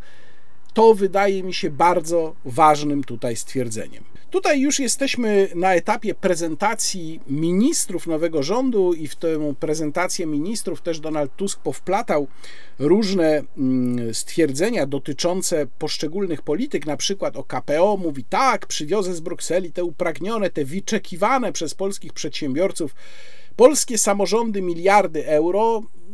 Ja przypomnę tylko, że wokół KPO jest jedna wielka bajka robiona. Wyjaśniałem, przypominałem nie tak dawno w jednym z wideoblogów. Tutaj będzie link, nie, chyba tutaj, nigdy jak zwykle, nie wiem po której stronie będzie link do tego wideoblogu, w którym przypominałem, jak wygląda KPO, przypominałem, że to jest 18 oddzielnych transz, że każda transza jest uzależniona od kamieni milowych, choć postępowanie Komisji Europejskiej obecnie wskazywałoby na to, że być może te kamienie milowe nie mają aż mm, takiego wielkiego znaczenia.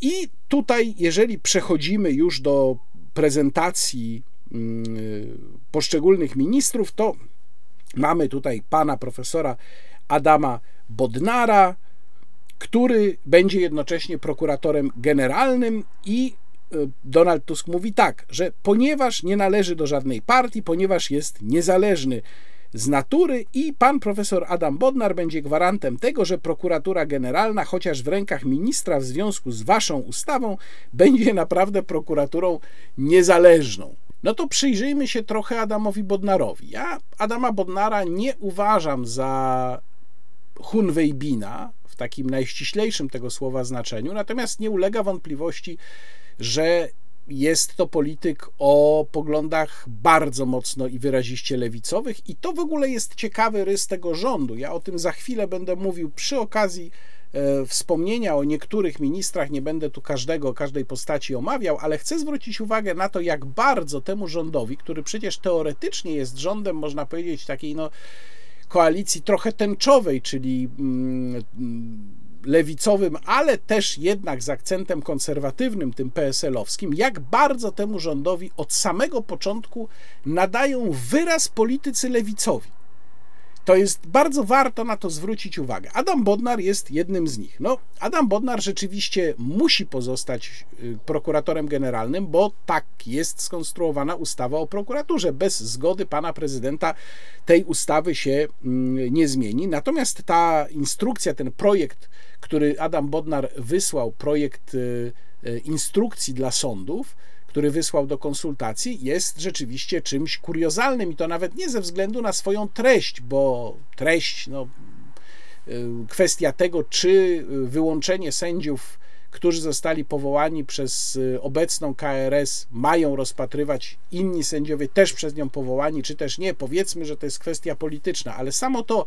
że Adam Bodnar próbuje instruować sądy w tej sprawie, bo przecież tego dotyczą przede wszystkim uwagi, no to się wydaje naprawdę pójściem po bandzie.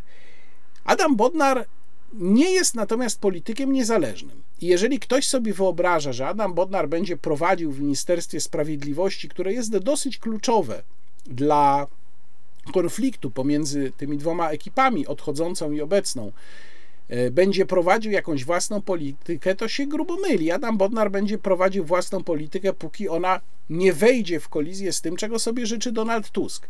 Adam Bodnar próbował, ja o tym wiem po prostu skądinąd, nie jest to moja teza, próbował kompletować sobie swoją własną ekipę do tego ministerstwa i oczywiście na to mu w pełni nie pozwolono, ponieważ dostał dwóch mm, wiceministrów z partyjnego klucza, Arkadiusza Myrchę i Krzysztofa Śmiszka. No, szczególnie porażająca jest obecność tego drugiego, no jak wiadomo, co prawda prawnika, bo, bo taki musi być wiceminister sprawiedliwości, ale prawnika, mm, powiedziałbym, zawodowo y, walczącego w, w sprawach mm, LGBT w dużej mierze. Posadowienie go w Ministerstwie Sprawiedliwości dużo mówi.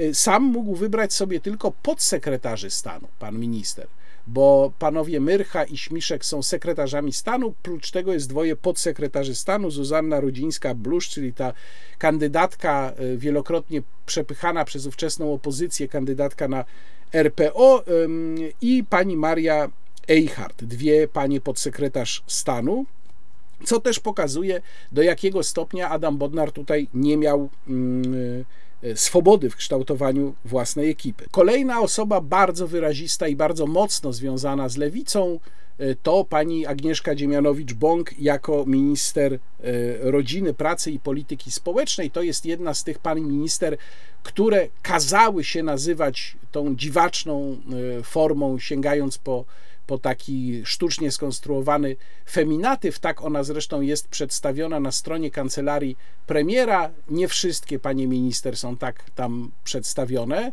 E, no ta wojna o feminatywy to jest e, oczywiście rzecz istotna, wbrew temu, co niektórzy twierdzą. Nie jest to jakaś zupełnie poboczna sprawa, bo tu chodzi o pewne zmienianie świadomości poprzez słowa. No wiadomo, że na tym polu bardzo często odbywa się walka ideologiczna i jak słusznie w Rzeczpospolitej w wywiadzie zauważyła pani doktor habilitowana Grażyna Majkowska z Uniwersytetu Warszawskiego, dzisiaj to, jaką formą się posługujemy, zaczyna wskazywać na to, jakie mamy poglądy polityczne. Oczywiście nie byłoby tego, gdyby nie ta lewicowa ofensywa z feminatywami. Ja mm, spytałem na Twitterze, na razie spytałem panią minister, ale chyba będę musiał skierować oficjalną drogą to pytanie, ponieważ y, no, na Twitterze pani minister mm, nie odpowiedziała jak na razie. Spytałem, czy ona zmusza swoich pracowników do tego, żeby stosowali wobec niej formę w cudzysłowie ministra, E, czy też nie, no bo jeżeli zmusza, to znaczy, że tutaj mamy do czynienia z jakimś e, niedopuszczalnym, moim zdaniem, naciskiem. Z jednej strony mówi się, że o, proszę bardzo, każdy sobie może wybrać formę, jaką stosuje.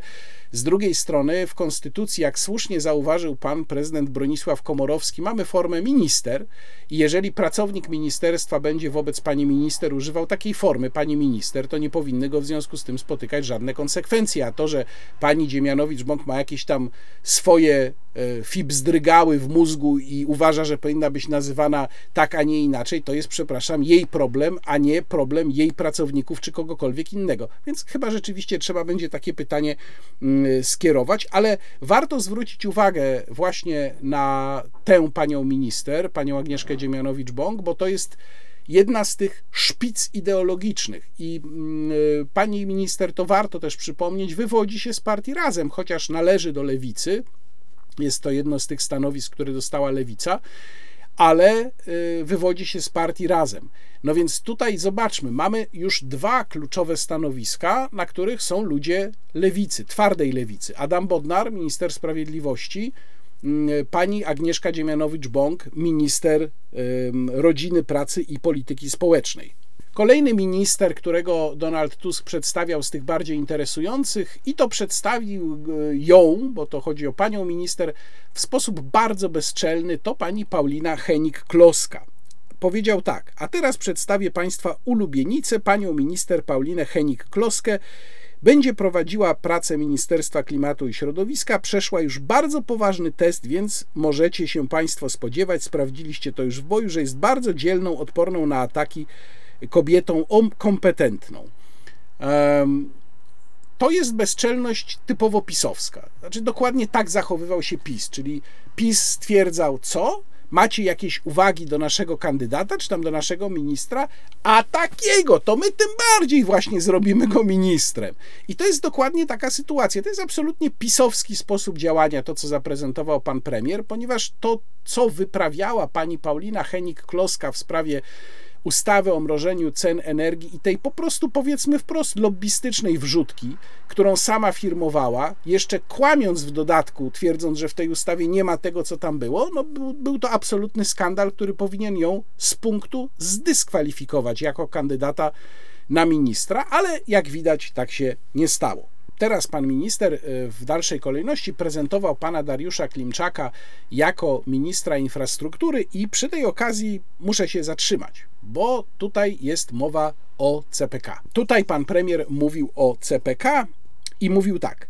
Rozmawialiśmy także o przyszłości CPK. Chcę Państwu powiedzieć, że żadna inwestycja w Polsce nie będzie inwestycją, która doprowadza do tragedii, która doprowadza do rozpaczy polskie rodziny. Nie wiem, dlaczego się uśmiechacie. Pojedźcie do nich. Byłem u nich. Oni płakali. I dalej mówi: Czy słyszeliście chociaż o jednym proteście wywłaszczonych, kiedy ja byłem premierem? Tak, tam głosy z sali, tak, tak, a ja nie, a byłem premierem. I wyobraźcie sobie, podejmowałem decyzję w tej kwestii. Nie było protestów. Wszyscy otrzymali należną satysfakcję. Ja tak sobie czytałem ten fragment, niezależnie od tego, co myślę o tym, jak działał rząd Prawa i Sprawiedliwości w sprawie CPK, ale czytałem sobie ten fragment i pomyślałem sobie tak. No przecież bardzo łatwo jest wmówić ludziom po tylu latach, że się nie działo coś, co się działo.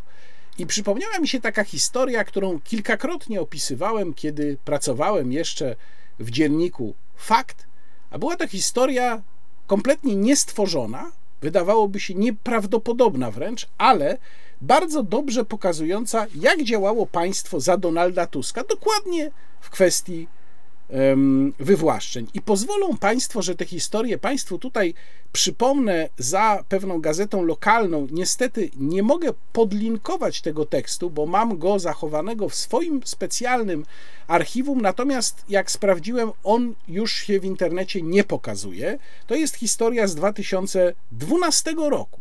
Proszę posłuchać. Historia wydaje się kompletnie niewiarygodna. W ubiegłą środę z córką i synem był w Ministerstwie Transportu. Ministerstwo Transportu później zostało zamienione dopiero w Ministerstwo Infrastruktury, a Ministerstwem Transportu kierował wówczas ulubieniec Donalda Tuska, o którym ten chyba dzisiaj już by wolał zapomnieć, Sławomir Nowak.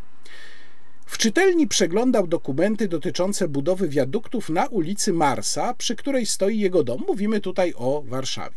Wynajmuje go firmom. Miasto chce wywłaszczyć go z parkingu przed budynkiem, bo jest potrzebny pod inwestycje. Przypominam, że wtedy prezydentem Warszawy była Hanna Gronkiewicz-Walc. Bez parkingu straci najemców. Razem z innymi właścicielami domów z okolicy oprotestował budowę. Sprawa przez półtora roku tkwiła w ministerstwie. Następnego dnia wizyta na komisariacie. Dostałem pismo że mogę zapoznać się z dokumentami. Jeden dzień to za mało na przeczytanie 40 tomów akt. Spytałem, czy mogę skończyć jutro. Urzędnik powiedział: Nie. Wtedy palnąłem. To mam się podpalić, jak ten pod kancelarią premiera. Tutaj mowa była o podpaleniu, o samobójstwie pod kancelarią premiera w roku 2011. To jest taki przypadek, którym się zaczęto przerzucać z Donaldem Tuskiem, kiedy on przeczytał swój list swój list, że tak powiem, swojego w cudzysłowie samobójcy. Przypomniano mu, że w 2011 roku był inny samobójca, który podpalił się pod jego kancelarią.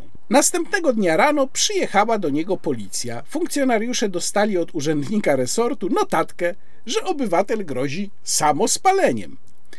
Jeśli ktoś mówi o samobójstwie, musimy to sprawdzić. Pan X zgodził się na rozmowę na komendzie, mówi rzecznik stołecznej policji Maciej Karczyński. Ale na komendzie X znów palnął, że przez sprawę z wiaduktem nie chce mu się żyć. Wtedy policja wezwała pogotowie, żeby zbadało jego stan psychiczny. Róbcie swoje, ale jestem zdrowy, powiedział X załodze karetki. Ta wpisała w kartę myśli samobójcze i zawiozła go do szpitala dla nerwowo i psychicznie chorych w podstołecznych ząbkach. Nie podawali mi żadnych leków.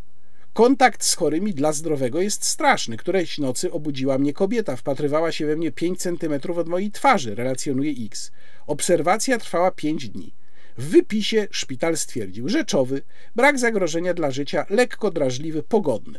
Jak to możliwe, że urzędnicy i policja mogą posłać do szpitala psychiatrycznego zdrowego, normalnego człowieka? Nie będę już dalej Państwu tego czytał, ale takie były, proszę Państwa, praktyki. Jeżeli ktoś nie chciał zgodzić się na wywłaszczenie albo miał z tym jakikolwiek problem, praktyki za czasów rządów Platformy Obywatelskiej, co zresztą swego czasu skłoniło mojego znajomego Ryszarda Makowskiego z kabaretu Otto niegdyś i teraz znów, bo kabaret się reaktywował, do napisania piosenki na ochotnika do psychiatryka. No to tyle, jeśli chodzi o to, jak to świetnie wyglądały wywłaszczenia za czasów Donalda Tuska. Natomiast y, kolejna tutaj ważna uwaga związana właśnie z CPK to jest sprawa tego, że pan premier nie mówi, jaka będzie przyszłość CPK. Mówi tylko, przyszłość CPK rozstrzygnie się w sposób transparentny.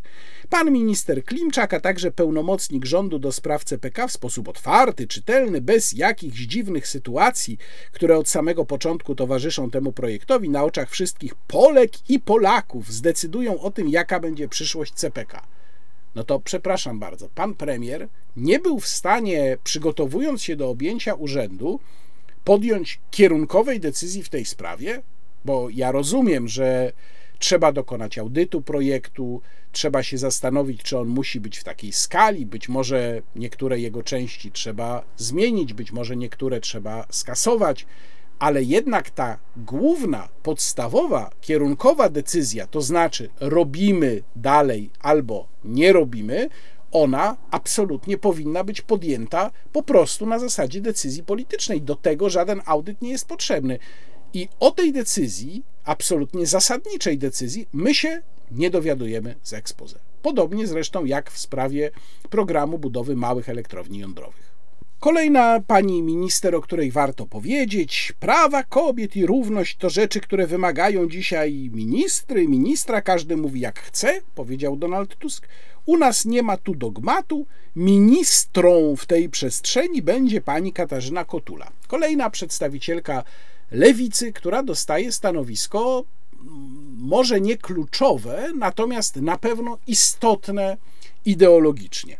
Wreszcie kolejna mm, pani minister, o której warto wspomnieć, to oczywiście Barbara Nowacka, koalicja obywatelska, ale znów nieformalnie lewica. Tak należy ją widzieć, bo jest to pani polityk wywodząca się z lewicy, ona zostaje ministrem edukacji, czyli będzie zajmowała się tą dziedziną, która jest wyjątkowo czuła, wyjątkowo drażliwa, gdzie cała grupa konserwatywnych rodziców jest uczulona na punkcie tego, jak państwo podchodzi do ich dzieci. I tutaj warto spojrzeć na to, jakie są pierwsze zapowiedzi pani minister, bo one bardzo dużo też mówią o jej planach.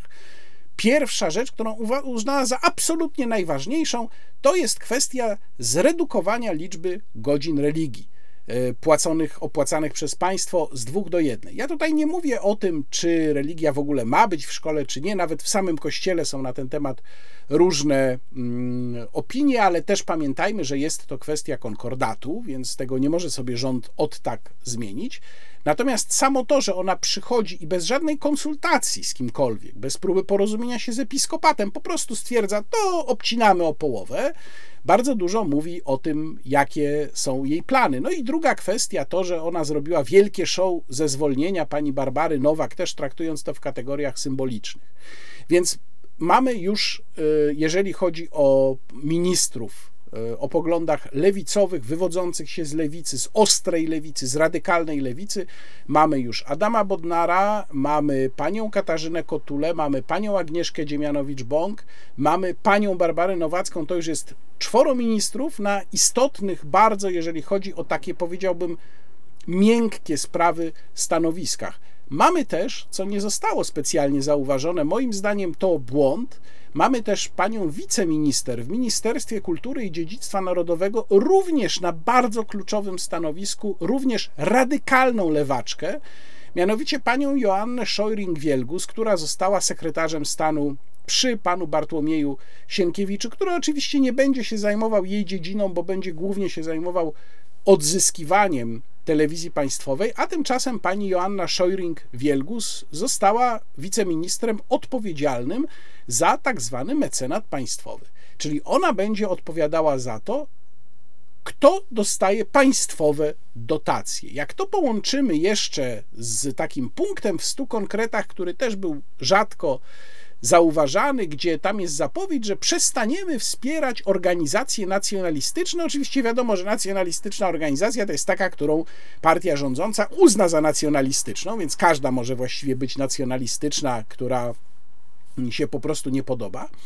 Jak to połączymy z postacią panią Joanny Scheuring-Wielgus, no to dostajemy przepis na to, żeby radykalnie przekierować pieniądze w lewą stronę. To znaczy, to też jest w sumie zastanawiające, ponieważ umieszczenie radykalnej lewaczki w takim miejscu, od, jako osoby odpowiedzialnej za mecenat państwa, też sygnalizuje bardzo wyraźnie profil tego rządu. Nie idzie tam ekspert, nie idzie tam osoba, po której konserwatywna strona mogłaby się spodziewać, że dzięki niej nastąpi jakieś wyważenie, bo ja też nie twierdzę, że system państwowych dotacji działał idealnie, albo że nie preferował tych, którzy robili dobrze PiSowi, bo wiemy przecież, że tak było. Owszem, to trzeba było zmienić. Natomiast no jednak oczekiwałbym, oczekiwałbym, no nie jestem aż tak naiwny, ale powiedziałbym, że powinno nastąpić pewne wyważenie tego systemu, a nie przechylenie go dla odmiany w skrajną lewą stronę. Ktoś może powiedzieć, poczekajmy na to, jak to będzie w rzeczywistości wyglądać. No dobrze, poczekajmy, ale ta osoba, ta konkretna osoba w tym miejscu, moim zdaniem, nie daje gwarancji rzetelnego rozpatrywania wniosków ani rzetelnego rozdziału tych pieniędzy. Więc proszę zobaczyć, w ilu miejscach już, takich kluczowych, powiedziałbym, miejscach tej miękkiej polityki, rząd Donalda Tuska ma osoby o poglądach radykalnie lewicowych. Może jeszcze warto zauważyć z tych ministrów, których tutaj wymieniał Donald Tusk, pana Czesława Siekierskiego jako ministra rolnictwa, ministra z PSL-u, no i do pomocy, czyli jako sekretarz stanu Michał Kołodziejczak.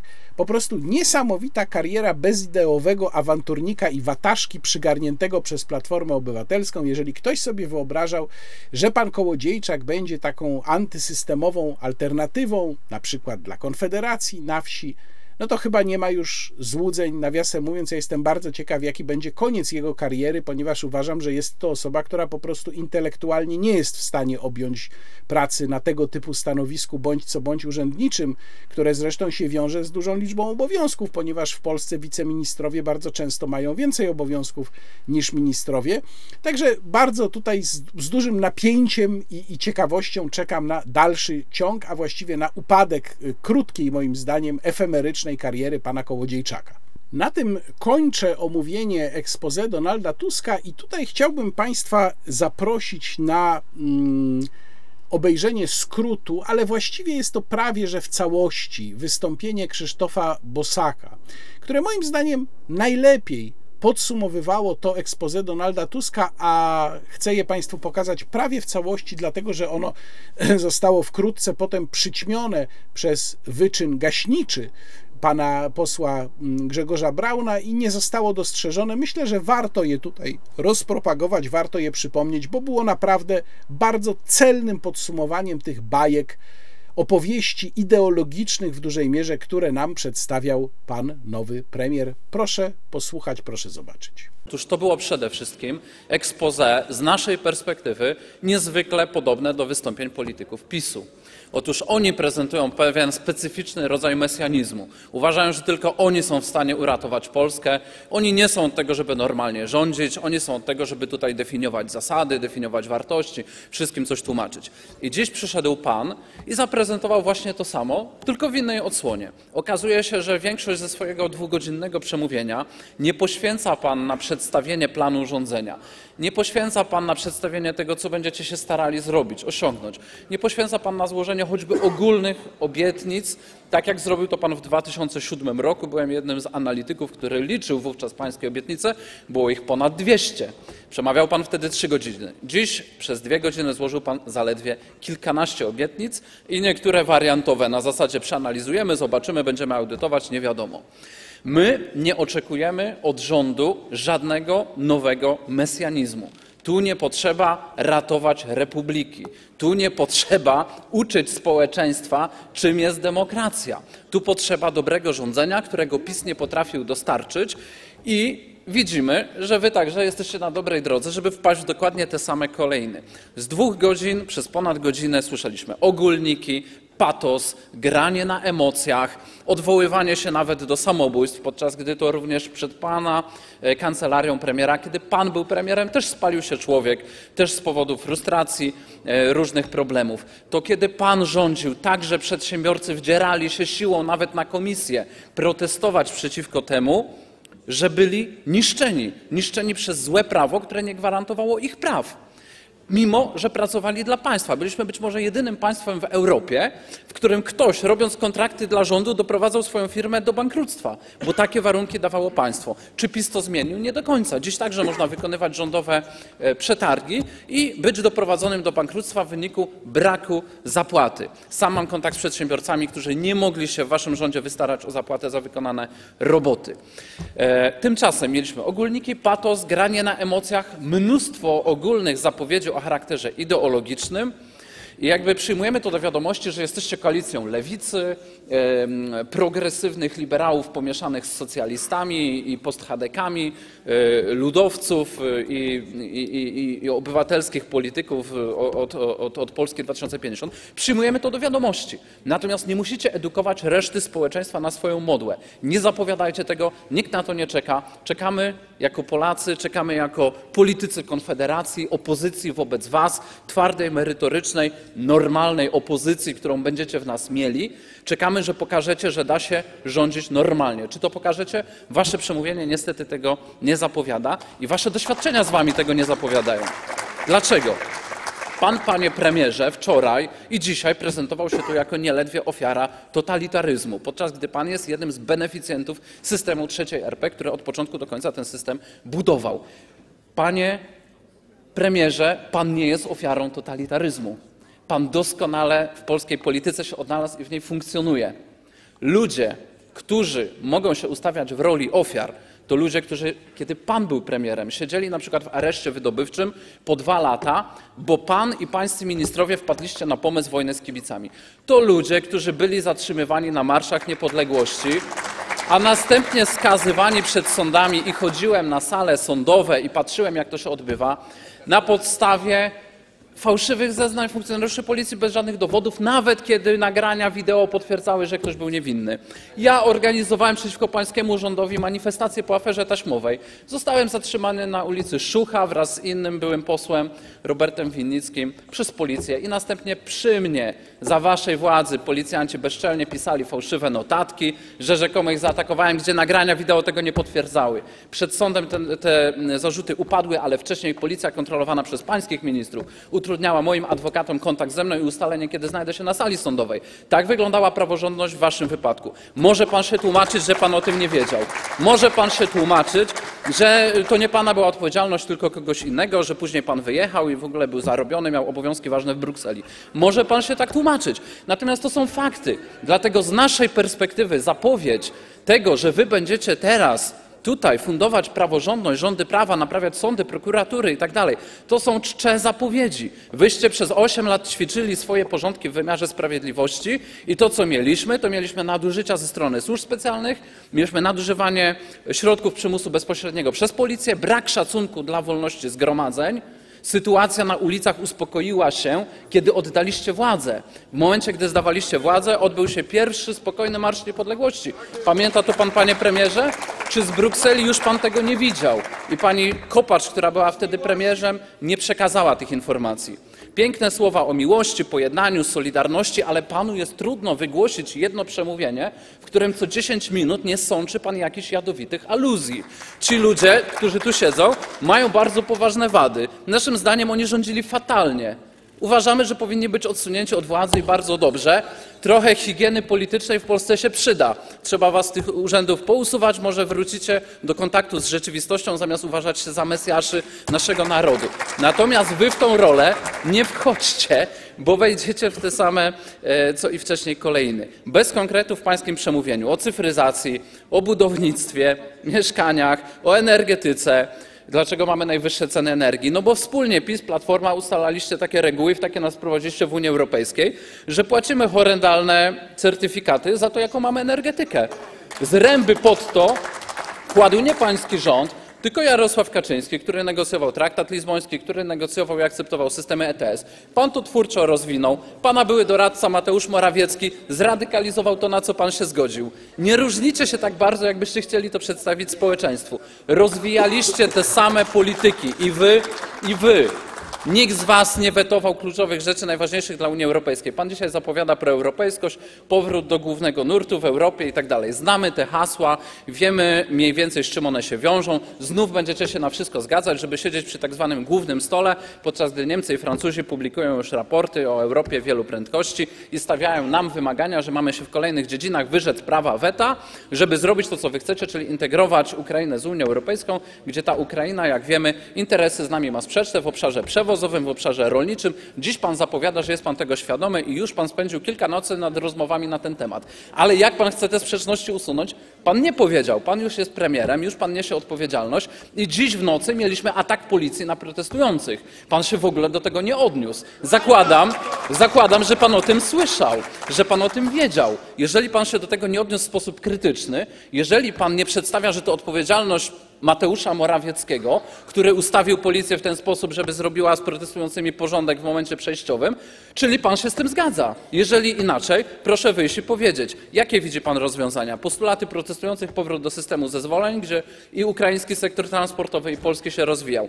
Pan nawet prawidłowej frazeologii dziś nie użył, mówi pan o kierowcach. To nie kierowcy. Problem jest branża przewozowa. Kierowcy to tylko element całego systemu transportowego, przewozowego. O czym jeszcze pan nie powiedział konkretów? Budownictwo, energetyka, zdrowie. Hm. Powiedział pan tyle, że jest dużo pieniędzy. No problem w zdrowiu jest zgoła inny niż, że tam jest za dużo pieniędzy. Podatki. Nic się nie dowiedzieliśmy poza tym, że będzie e, kasowy e, PIT. E, edukacja. Poza tym, że będą podwyżki 30% od stycznia w szkołach wszystkich, na uniwersytetach i w przedszkolach. I równowaga finansów publicznych jednocześnie. Czekamy niecierpliwie, żeby w styczniu zrecenzować, jak idzie Wam e, realizacja tych postulatów. Ja szczerze kompletnie w to nie wierzę, no ale zobaczymy. Już Pan naskładał w 2007 200 obietnic, później liczyliśmy, ile zostało zrealizowane. Zdecydowana mniejszość. Infrastruktura i transport. No po tych wszystkich nocach narad i analiz pan premier i pańskie otoczenie nie wiecie, czy chcecie budować CPK, nie wiecie, czy chcecie budować elektrownię atomową, nie wiecie, co z małymi reaktorami atomowymi. No, z całym szacunkiem, ale tutaj już jest moment rządzenia to już jest czas, kiedy jednak powinniście te rzeczy wiedzieć. Gdzie będziecie teraz rywalizować z pisem o seniorów? A gdzie było słowo o młodych ludziach? A gdzie było słowo o ludziach w średnim wieku? Będziemy w tej chwili budować najlepszą politykę senioralną na świecie, a jako naród wymieramy. Pan nie powiedział słowa o tym, jak pan widzi politykę migracyjną w kontekście niżu demograficznego, tylko że pan będzie z państwami bałtyckimi chronił granice. No z całym szacunkiem, ale państwa bałtyckie, gdzie chcą z nami współpracować, to ta współpraca już jest. Pan nie musi jechać w tej sprawie do Stalina. E, my potrzebujemy jasnej wizji polityki migracyjnej i pańscy politycy, którzy są pod pańską komendą, dezorganizowali pracę Straży Granicznej obrażali funkcjonariuszy. Z państw pana strony nie padło słowo potępienia tych praktyk. Podsumowując, bo czas się kończy. Nie wiemy, w jaki sposób chce pan zabezpieczyć polską pozycję w Unii Europejskiej. Na stole jest wyrzeczenie się prawa weta. Poprzednio przy traktacie lizbońskim wy i PiS popieraliście wyrzeczenie się prawa weta przez Polskę w różnych dziedzinach. Nie wiemy, w jaki sposób chce pan walczyć z zadłużeniem Polski. PiS udaje, że nie podniósł zadłużenia, podniósł je bardzo znacznie, ale i wy to robiliście. Przecież ministra Rostowskiego za to krytykowaliśmy. My nie chcemy w rządzie wpływów lewicy, którą pan obsadza na kluczowych stanowiskach odpowiedzialnych za pracę, za edukację, e, za rodzinę. To kuriozalne decyzje jak na byłego polityka centroprawicy, ciągle przez jakieś nieporozumienia należącego do partii chadeckiej czy może postchadeckiej. Nie chcemy poprawności politycznej, nie chcemy ograniczeń wolności wypowiedzi, które pan próbował wprowadzić, kiedy był pan poprzednio premierem. Testował pan to, nie znalazła się większość, oby i w tym Sejmie się nie znalazła. Nie chcemy uczenia nas wartości, bo swoje wartości mamy i znamy. Nie chcemy uczenia nas europejskości, nie chcemy centralizmu w Unii Europejskiej, nie chcemy etatyzmu, socjalizmu, nie chcemy sekciarskiego konfliktu PiSu i Platformy. Chcemy Polski normalnej, w której rządzi się dobrze. I pańskie expose w tej chwili krytykujemy, bo pańskie expose było skupione na sekciarskim sporze PiSu i Platformy, a nie na planie dobrego rządzenia. Dziękuję bardzo. Gdybyśmy teraz mieli trochę podsumować to, jak ten rząd wygląda. Ministrów konstytucyjnych jest 27 czy 27.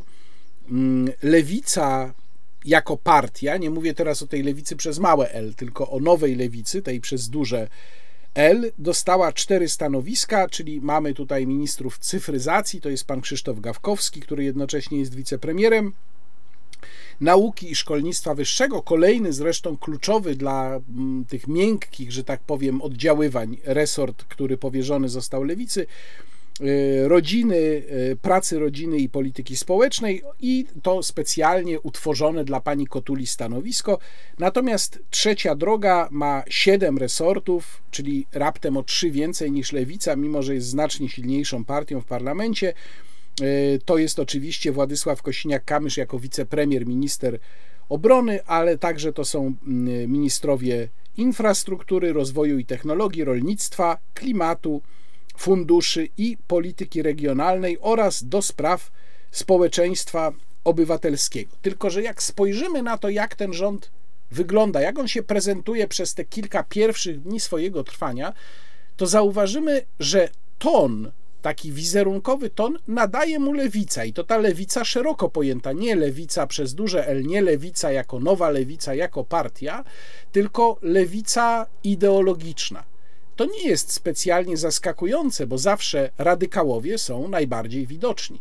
Natomiast jest to, i to jest pytanie, czy to jest zamierzony przez Donalda Tuska efekt, czy to jest efekt, który on brał pod uwagę, czy też jest to efekt niezamierzony, bo jeżeli mamy w jakimś, w jakimś rządzie grupę radykałów i grupę powiedzmy tych bardziej umiarkowanych, to ci bardziej umiarkowani w ogólnym obrazie, odbiorze wizerunkowym nie zrównoważą tych radykałów, no bo umiarkowaniem nie da się zrównoważyć radykalizmu. Zawsze radykałowie będą najbardziej widoczni.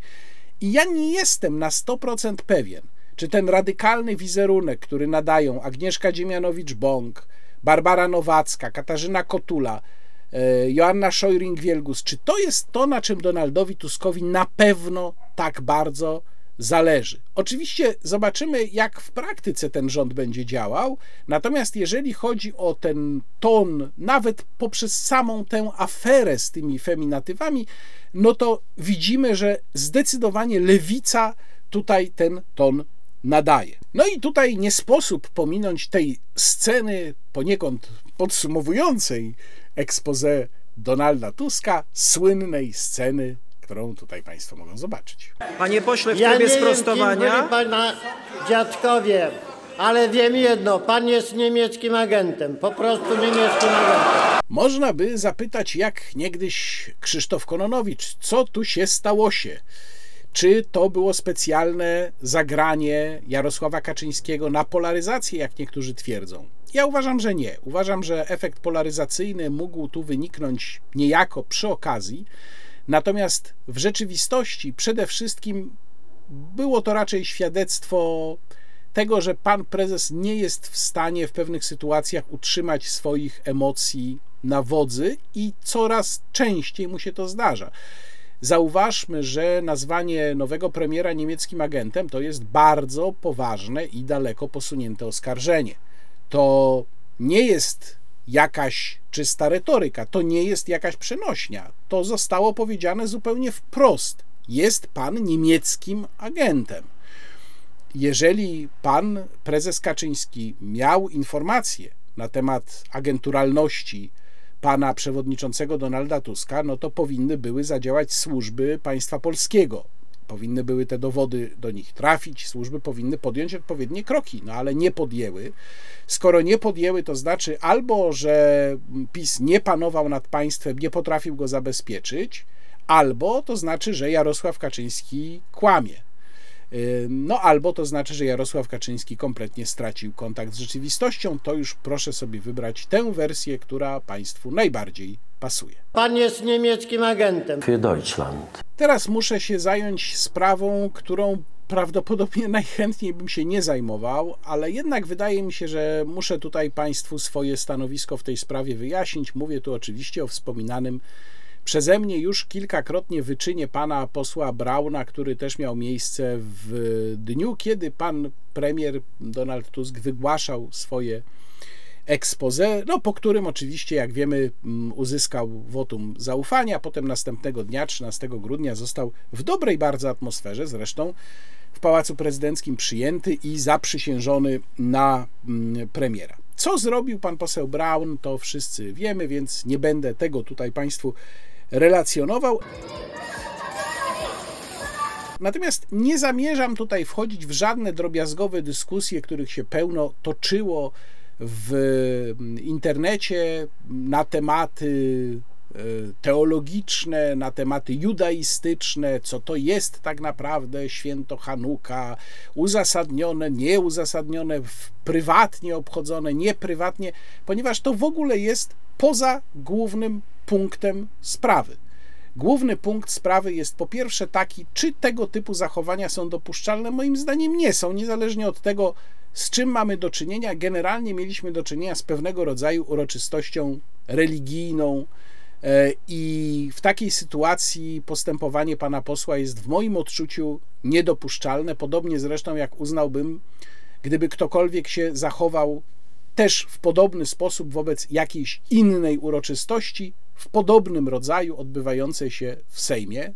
Po prostu jest to zachowanie w moim odczuciu i w moim odbiorze niecywilizowane, ale to też nawet zostawiam na boku. Można jeszcze zadać sobie pytanie, co w takim razie jest w Sejmie dopuszczalne, bo ja też przyjmuję argument tych z Państwa, którzy twierdzą, że w Sejmie w ogóle nie powinny się żadne tego typu uroczystości odbywać, aczkolwiek nie zgadzam się z nim. Też zwracam uwagę, że pewnie wiele osób wyrażających taką opinię nie jest do końca konsekwentnych, bo prawdopodobnie na przykład opłatek by dopuściło. Natomiast ja się z tym nie zgadzam. Ja uważam, że w polskim Sejmie jest miejsce na podobne uroczystości tych religii, tych narodów, które tworzyły historię Rzeczpospolitej. I tu oczywiście na pierwszym miejscu mamy chrześcijan, ale też niekoniecznie katolików, dlatego że przecież chrześcijanie w historii Rzeczypospolitej to również byli e, protestanci różnego rodzaju, by wspomnieć takie osoby jak Andrzej Frycz-Modrzewski czy e, Mikołaj Rej, najbardziej chyba znany. E, mamy tutaj również muzułmanów, bo mieliśmy polskich Tatarów, którzy otrzymali przywileje od kilku polskich królów i, i którzy położyli dla Rzeczypospolitej wielkie zasługi w niektórych momentach jej historii. Mamy również prawosławnych i grekokatolików, którzy także e, tworzyli no, tak naprawdę Rzeczpospolitą trojga narodów, bo przecież Rusini, chociaż nie jako odrębny człon tej wspólnoty, ale de facto byli również jej członkami. No i właśnie mamy również Żydów, którzy obecni byli w Polsce od XI wieku i też współtworzyli naszą historię i gdzie zresztą przybywali do Polski wielokrotnie wtedy, kiedy w Europie źle im się działo, między innymi wtedy, kiedy na przykład zostali wypędzeni z Hiszpanii przez katolickich monarchów i znajdowali w Polsce dobre miejsce, i my tą historią naszej tolerancji się nie bez powodu szczycimy.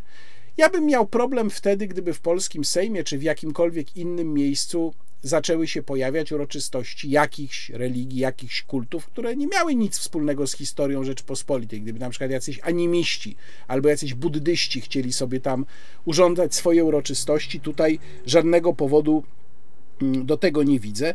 Natomiast takie uroczystości były też urządzane w różnych miejscach wcześniej. Na przykład Lech Kaczyński organizował kolację Iftar w Pałacu Prezydenckim, czyli tę kolację związaną ze świętowaniem Ramadanu. Opłatki wigilijne w Sejmie były wielokrotnie, więc ja po prostu w tym nie widzę ani nic niezwykłego, ani nic skandalicznego, ani też nie uważam, żeby tego typu uroczystość organizowana od kilkunastu lat w polskim Sejmie o czymkolwiek świadczyła. Wbrew temu, co wiele osób twierdzi, nie uważam, żeby było to świadectwo jakiejś zależności, jakiegoś spisku, czegokolwiek takiego. Po prostu ta uroczystość się odbywała. Jeżeli szukamy jakichś zależności, mm, to szukajmy ich po prostu gdzieś indziej.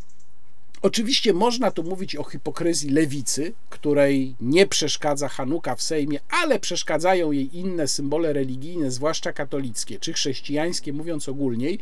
I tutaj tak, rzeczywiście ta sprawa to pokazała, tylko że to jest korzyść z tego wybryku pana posła Brauna, bardzo, ale to bardzo mm, marginalna. Najważniejsze jest tutaj spojrzenie na wyczyn pana posła Grzegorza Brauna na chłodno. I mam wrażenie, że tego chłodu wielu osobom zabrakło. Mam wrażenie, że reakcja wielu osób była bardzo emocjonalna i że wiele osób poszło tutaj drogą polityki słusznościowej, co jest o tyle zabawne, że to są te same osoby, które często pomstują na taką politykę, na przykład w wykonaniu, czy pomstowały na taką politykę, na przykład w wykonaniu PiS, podczas kiedy tutaj dokładnie złapały się na to samo, to znaczy na pewien zupełnie pusty gest, z którego nic nie wynika. No ja czytałem, że y, ludzie się ekscytowali tym, że ale im pokazał, albo że ludzie się wreszcie dowiedzieli. Zwłaszcza jak czytałem, to ludzie się dowiedzieli, bo wcześniej nie wiedzieli, to przypomniał mi się taki słynny mem, który tutaj Państwo właśnie widzą. No właśnie się Pan dowiedział i co? No i właśnie i co? Dowiedzieli się i co? No i nic, proszę Państwa, kompletnie za tym nie pójdzie. Że polityka oparta na pewnych symbolicznych gestach, symbolicznym działaniu może mieć sens, o ile jest wkomponowana w szerszą taktykę lub lepiej nawet strategię i o ile prowadzi do pewnego zaplanowanego, przemyślanego rezultatu, służy osiągnięciu tego rezultatu. Ale to musi być polityka prowadzona w sposób zorganizowany przez jakąś większą strukturę, przez ugrupowanie polityczne, lepiej nawet przez państwo. I wtedy tego typu gesty wkomponowane w jakąś szerszą działalność mogą mieć sens. No, najlepszym tego przykładem chyba jest właśnie polityka historyczna Izraela, który dokładnie również na takich symbolicznych gestach zbudował realną siłę oddziaływania swojego państwa, jeżeli już mówimy tutaj o Żydach. Natomiast to, co zrobił poseł Brown, nijak nie jest takim sensownym posunięciem, bo jest to po prostu wybryk jednego samotnego posła, który nie osiągnie żadnego wymiernego skutku. Mało tego, jest to polityka, jest to posunięcie nie tylko bezproduktywne, ale nawet powiedziałbym kontrproduktywne, ponieważ ono faktycznie dało argument naszym przeciwnikom do ręki. Nie jest też żadną korzyścią chwilowy poklask w krajach muzułmańskich, ponieważ ten poklask nic nam nie daje. My z krajami muzułmańskimi, tymi, w których tego typu gesty mogą się spotkać z entuzjazmem. Nie mamy specjalnie interesów, a tam, gdzie jakieś mamy, tak jak z Arabią Saudyjską, to one i tak opierają się kompletnie na czym innym, a nie na tego typu gestach. Nie jest też prawdą, jak niektórzy z Państwa argumentowali, że świat się dowiedział, że w Polsce nie wolno. Niczego takiego świat się nie dowiedział, ponieważ nie jest to element polityki państwa to jest, jak powiedziałem, wybryk jednego osobnego, samotnego posła, więc świat się nie dowiedział, że w Polsce nie wolno, świat najwyżej się dowiedział, że w Polsce jest jeden poseł, który ma z tym problem. Natomiast co do jednego, zgodzę się tutaj, że zbiorowa ekspiacja, że wszystkie te gesty zadośćuczynienia, że uroczyste zapalenie tego świecznika hanukowego i to w obecności pana prezydenta następnego dnia, że wszystko to jest kompletnie niepotrzebne i to jednak jest świadectwo kompleksów. To się po prostu tak nie powinno odbyć. To znaczy, po wyczynie pana posła Brauna ten świecznik powinien zostać w normalny sposób zapalony jeszcze raz. Wyczyn powinien zostać skwitowany stwierdzeniem, że jest to wybryk jednego posła, który został ukarany. Dziękujemy bardzo, do widzenia. Na tym kończymy sprawę, nie ciągniemy jej. Więc jednak to wszystko, co się potem wydarzyło, pokazuje, do jakiego stopnia klasa polityczna ma gigantyczne w pewnych sprawach kompleksy lub może jakieś obawy, że jeżeli niewystarczająco pokaże, jak bardzo się od takich działań odcina, to wydarzy się coś strasznego. Natomiast tutaj chyba najlepiej z tego wszystkiego wybrnęły żydowskie wspólnoty w Polsce. Widziałem kilka takich filmów, nie tylko ten najbardziej znany z e, łódzkiej gminy żydowskiej, gdzie Żydzi, polscy Żydzi pokazali, jak duży mają do tego wydarzenia e, dystans i chwała im za to. Natomiast najważniejsze to są chyba jednak konsekwencje polityczne konkretne konsekwencje polityczne przede wszystkim dla Konfederacji i dla samego pana posła Brauna, tego co on zrobił. Trzeba by tutaj zacząć od zadania sobie pytania, jakie są w ogóle cele polityki. Czy celem polityki jest pokazanie czegoś, czy celem polityki jest osiągnięcie konkretnych rezultatów? Ja mówiłem, oceniając e, wynik wyborczy Konfederacji, że Konfederacja moim zdaniem doznała pewnego regresu ponieważ oczekiwanie było takie, że stanie się partią bardziej sprawczą, już realnie sprawczą w tej kadencji, poprzez pozycję decydującą, poprzez to, że mogłaby spowodować na przykład nieuchwalenie wotum zaufania dla nowego premiera. Tak się nie stało. Natomiast Konfederacja w tej kadencji musi to nadrabiać. I sposobem nadrabiania tego, między innymi, jest zdobycie stanowiska wicemarszałka, które, jak wiemy, zostało zagrożone z powodu wniosku lewicy. Ten wniosek lewicy jest rzecz jasna denty, to chyba nikt nie ma wątpliwości, bo jest to próba mm, zbiorowej, wprowadzenia zbiorowej odpowiedzialności pod pretekstem tego, że pan marszałek Krzysztof Bosak nie poradził sobie z prowadzeniem obrad, kiedy już po incydencie na mównicy znalazł się pan poseł Braun i że wtedy, mm, mówi lewica, pan wicemarszałek Bosak nie odebrał panu posłowi Braunowi głosu, tylko zrobił to dopiero Szymon Hołownia, kiedy przyszedł i przejął prowadzenie obrad. Tylko, że to oskarżenie nie trzyma się kupy. Krzysztof Bosak, siedząc na sali sejmowej i prowadząc obrady, nie mógł wiedzieć, co się wydarzyło w kuluarach i nawet przyznał to analityk y, polityki Insight w rozmowie z TOK FM, pan Kastor Krużelewski. Cytuję go dlatego, że jest to osoba, którą z racji redakcji trudno posądzić tutaj o jakąś przychylność wobec Konfederacji czy pana Bosaka. Tymczasem pan Krużelewski powiedział tak – Krzysztof Bosak został postawiony w sytuacji, na którą nie mógł się przygotować, która zdarza się bardzo rzadko. Pozwolił Grzegorzowi Braunowi się wypowiedzieć, nie przerwał, ale prawdopodobnie sam procesował, co się właściwie dzieje, bo słowa Grzegorza Brauna brzmiały absurdalnie. Nie uważam, żeby tam doszło do jakiegoś większego błędu. No ale lewica została, dostała pretekst i już PiS też zapowiedział, że w razie czego zagłosuje za wnioskiem o odebranie Krzysztofowi Bosakowi stanowiska wicemarszałka marszałka Sejmu. PiS oczywiście gra na osłabienie Konfederacji, ponieważ w ramach forsowania polaryzacji chce zostać jedyną siłą, która będzie mogła być przeciwwagą dla mm, obecnej koalicji, co jest rzecz jasna absolutnie fatalną perspektywą. Dlaczego ważne jest stanowisko wicemarszałka, wbrew temu, co niektórzy mówili, znów uniesieni takim e, słusznościową, taką słusznościową ekscytacją, że ważne, co Braun pokazał, a tam co ja mam ze stanowiska wicemarszałka dla Krzysztofa Bosaka. No, e, jeżeli ktoś uważa, że w Sejmie dzieją się, a będą się działy istotne rzeczy, to tak, to stanowisko jest istotne. Po pierwsze, dlatego, że daje jakąkolwiek kontrolę nad tym, co znajduje się w porządku obrad Sejmu, bo to jest zdecydowane właśnie w prezydium Sejmu.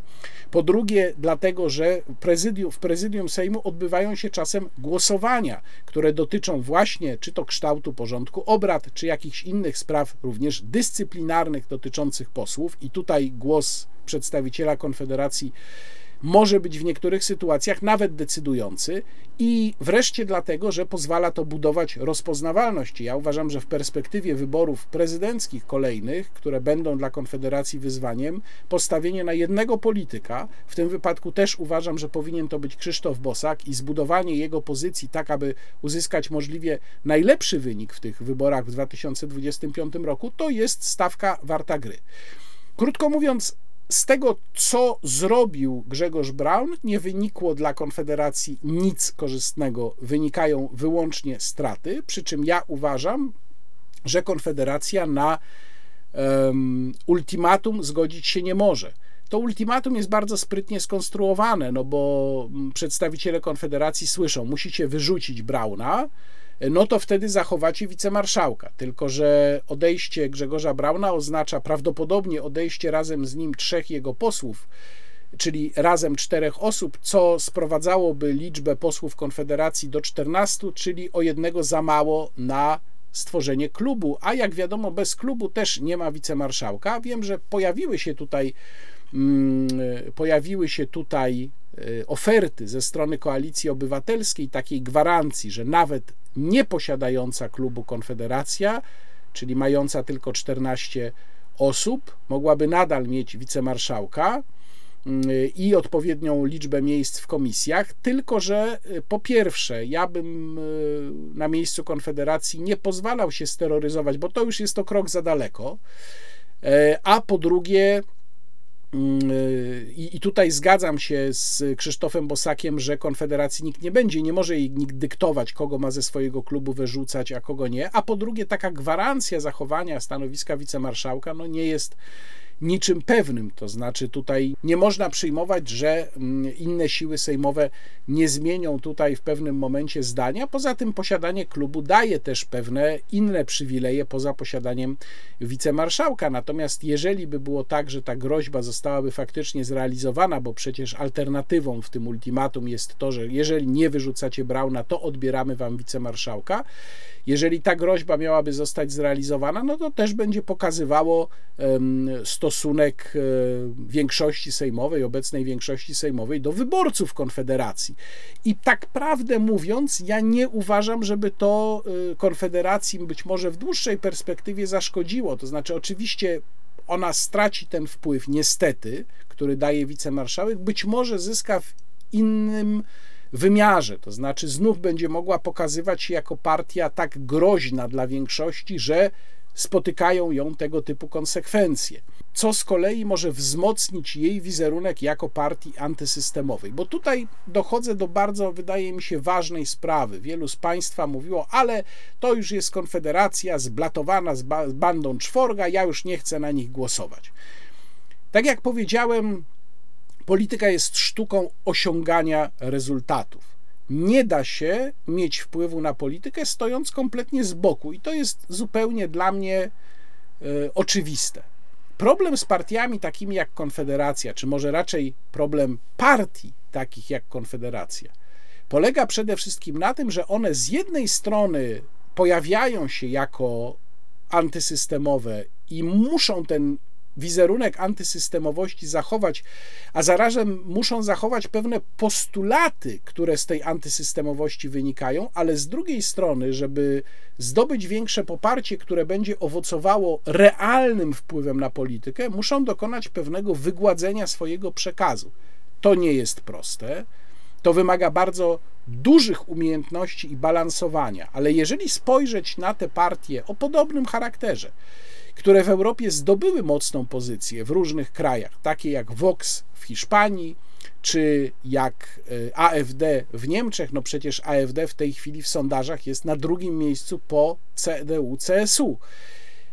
To widzimy, że one wszystkie przeszły pewien proces oszlifowywania, jednocześnie nie tracąc tego swojego, tej swojej wyrazistości. I myślę, że w przypadku Konfederacji to wciąż jest możliwe te błędy, które Konfederacja popełniła w trakcie kampanii, a które sam jej wytykałem, nie polegały na odejściu od radykalizmu. Ja tego nigdy akurat nie mówiłem. Chwaliłem Grzegorza Brauna w kampanii Konfederacji za to, że umiał się powstrzymać od swoich radykalnych, w przeciwieństwie do Janusza Korwin-Mikkego, od swoich radykalnych stwierdzeń, takich radykalnych posunięć czy happeningów politycznych i e, błędy wytykałem raczej w czym innym, na przykład wręcz powiedziałbym w, w nadmiernej e, ilości takiego hepenerstwa. To, co robili Krzysztof Bosak i, i Sławomir Mencen w tych swoich objazdach po Polsce, to było takie moim zdaniem już coraz bardziej nudzące się i, i mm, puste hepenerstwo. Natomiast problemem na pewno nie był brak radykalizmu. Wręcz przeciwnie, uważam, że właśnie to, co y, w pewnym momencie zaczął wyprawiać Janusz Korwin-Mikke, autentycznie Konfederacji zaszkodziło. Więc Grzegorz Braun mógłby być wciąż dla Konfederacji atutem, ale to by wymagało w tych nadchodzących wyborach, bo też przypomnę, że przecież mamy przed sobą trzy cykle elekcyjne. Mamy wybory samorządowe, w których Konfederacji będzie trudno, bo wybory samorządowe wymagają ogromnego aparatu partyjnego i myślę, że dobrze by było, gdyby Konfederacja od razu jasno powiedziała, że zależy jej po prostu na wygraniu kilku większych miast, takich, gdzie rządzą burmistrzowie, i zobaczymy, może się to uda. Potem absolutnie kluczowe dla Konfederacji wybory do Parlamentu Europejskiego, bo to jest jej tematyka i tu Konfederacja musi jeszcze opracować, być może nawet od nowa opracować swój przekaz na temat Unii Europejskiej. Na razie go nie ma, a to wcale nie jest tak dużo czasu, bo wybory do Parlamentu Europejskiego za trochę ponad pół roku, czy za pół roku właściwie, bo w czerwcu. Y, a to będą bardzo ważne wybory dla Konfederacji, w których moim zdaniem celem powinno być wprowadzenie przynajmniej pięciu eurodeputowanych. No i potem w 2025 roku ostatni, ostatnie wybory w tym cyklu wyborczym długim to są wybory prezydenckie i tu już mówiłem o Krzysztofie Bosaku. I moim zdaniem Grzegorz Braun wciąż miałby do odegrania w y, Konfederacji odpowiednią rolę, y, no tylko, że musiałby grać na Konfederację, a nie, dla, a nie na siebie.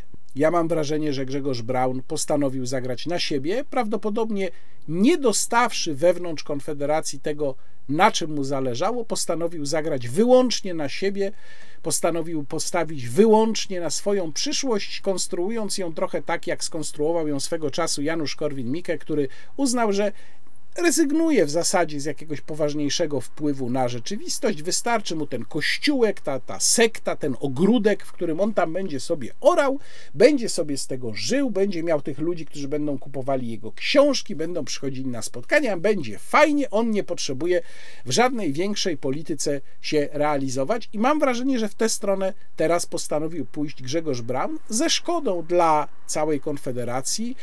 No ale niestety także moim zdaniem ze szkodą dla Polski, bo tak jak powiedziałem, żadnych znaczących korzyści z jego zachowania, ani nawet prawdę mówiąc nieznaczących korzyści też nie dostrzegam.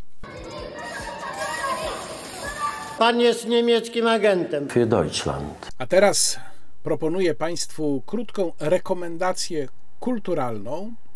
Chciałem polecić wystawę w Muzeum Archidiecezji Warszawskiej wystawę obrazów Jacka Malczewskiego, głównie skupioną na cyklu Wizja Ezechiela. Ale zanim powiem o tej wystawie, to chciałbym Państwu powiedzieć parę słów na temat samego budynku muzeum, bo tak się składa, że pomiędzy budynkiem Pałacu Dziekańskiego, w którym mieści się Muzeum Archidiecezji Warszawskiej, a pewnym bardzo znanym polskim, popularnym polskim powiedzeniem istnieje związek. To powiedzenie brzmi: bredzić jak piekarski na mękach. O co tutaj chodzi? Otóż budynek e, Pałacu Dziekańskiego, mm, kiedy był nie tak dawno zresztą konserwowany, odrestaurowywany, to odtworzono dwa ganki, prowadzące, jeden prowadzący nad ulicą Dziekani, a drugi prowadzący nad ulicą Kanonia. E, te ganki w swojej oryginalnej postaci, bo teraz one są zamurowane, ale kiedyś one e, pozwalały na przejście bezpośrednio z Zamku Królewskiego tymi właśnie gankami aż do balkonu, do empory w katedrze warszawskiej. Po co to zostało zrobione? Otóż było to następstwo nieudanego zamachu na króla Zygmunta III Wazę dokonanego w roku 1620 przez Michała Piekarskiego właśnie. Działo się to 15 listopada roku 1620, kiedy to szlachcic Michał Piekarski zaczaił się z czekanem przy drzwiach katedry warszawskiej na króla, który ze swoim orszakiem rano szedł na mszę. Michał Piekarski wyskoczył, rzucił się na króla z tym czekanem. Na szczęście um, zdołał tylko dosięgnąć go lekko dwa razy, między innymi zdarł królowi skórę z policzka został szybko obezwładniony między innymi przez marszałka koronnego Łukasza Opalińskiego. No i oczywiście został pojmany królowi, na szczęście nic się nie stało. Michał Piekarski miał wtedy zaledwie 23 lata i był ubezwłasnowolniony. A tak się składa, że o ubezwłasnowolnieniu i o przyznaniu kuratora szlachcicowi decydował właśnie król. Oczywiście formalnie decydował król, bo prawdopodobnie Zygmunt III Waza w ogóle sobie nie zdawał sprawy z istnienia kogoś takiego jak Michał Piekarski. Natomiast Michał Piekarski za to swoje nieszczęście winił właśnie króla. I mm, y, Michał Piekarski był człowiekiem pomieszanym na umyśle. On miał problemy umysłowe, poważne, które były najprawdopodobniej skutkiem wypadku doznanego w dzieciństwie, kiedy to szlachcic doznał urazu głowy. Stąd te jego problemy i stąd potrzeba wyznaczenia kuratora. Choć jak to rzeczywiście z tym było, jak to było z zarządzaniem jego majątkiem, czy to wszystko odbyło się uczciwie, czy tam ktoś nie wziął łapówki, to jest zupełnie inna sprawa. Oczywiście rozpoczął się szybko proces. Tak się składa, że czasy były w ogóle niebezpieczne, więc zupełnie uzasadnione było podejrzenie, że być może była to próba posłużenia się piekarskim jako takim narzędziem po to, żeby zabić polskiego króla.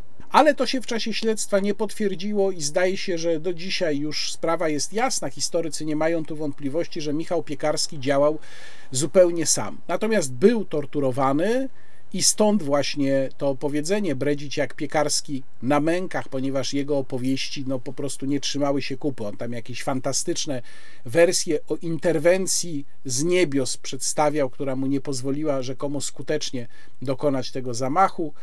Wyrok na Michała Piekarskiego został wydany i został wykonany już 26 listopada na rynku w Warszawie, wykonany zresztą bardzo okrutnie, ponieważ zbrodnia próby królobójstwa była też uznawana za jedną z najcięższych, jeżeli nie najcięższą, więc było tam i obcięcie ręki, którą e, piekarski trzymał ten czekan i obdzieranie ze skóry i rozrywanie końmi. No tak to niestety wtedy wyglądało. Tu sąd oczywiście w tamtych czasach nie brał pod uwagę czegoś takiego jak pomieszanie umysłowe. E, no i jeszcze ciekawostka, że konsekwencją tego zamachu to też taka akcyjność, która bardzo przypomina nam dzisiejsze czasy. Konsekwencją tego zamachu był zakaz posiadania, noszenia w miejscach publicznych takich czekanów, jak ten, którym się posłużył Michał Piekarski. No jakbym po prostu widział dzisiejszą politykę. To jeśli chodzi o budynek Pałacu Dziekańskiego, w którym mieści się Muzeum Archidiecezjalne. Jak Państwo tam będą, to na pierwszym piętrze znajdą Państwo właśnie fragmenty tych tych mostków, tych połączeń, którymi kiedyś król mógł przejść bezpośrednio ze, swojego, ze swoich apartamentów z Zamku Królewskiego Warszawskiego do katedry. Natomiast jeżeli chodzi o samą wystawę, to y, skupia się ona przede wszystkim właśnie na obrazach z cyklu Wizja Ezechiela, które Jacek Malczewski malował, a które odnoszą się do Księgi Ezechiela, do Starego Testamentu, Księgi Ezechiela, rozdziału jej 37, w którym czytamy tak. Potem spoczęła na mnie ręka Pana i wyprowadził mnie on w duchu na zewnątrz i postawił mnie pośród doliny. Była ona pełna kości. I polecił mi, abym przeszedł dokoła nich, i oto było ich na obszarze doliny bardzo wiele. Były one zupełnie wyschłe. I rzekł do mnie: Synu człowieczy, czy kości te powrócą znowu do życia? Odpowiedziałem: Panie Boże, ty to wiesz. Wtedy rzekł on do mnie: Prorokuj nad tymi kośćmi i mów do nich, wyschłe kości, słuchajcie słowa Pana. Tak mówi Pan Bóg. Oto ja wam daję ducha po to, abyście się stały żywe. Chcę was otoczyć ścięgnami i sprawić, byście obrosły ciałem i przybrać was w skórę i dać wam ducha po to, abyście ożyły i poznały, że ja jestem Pan.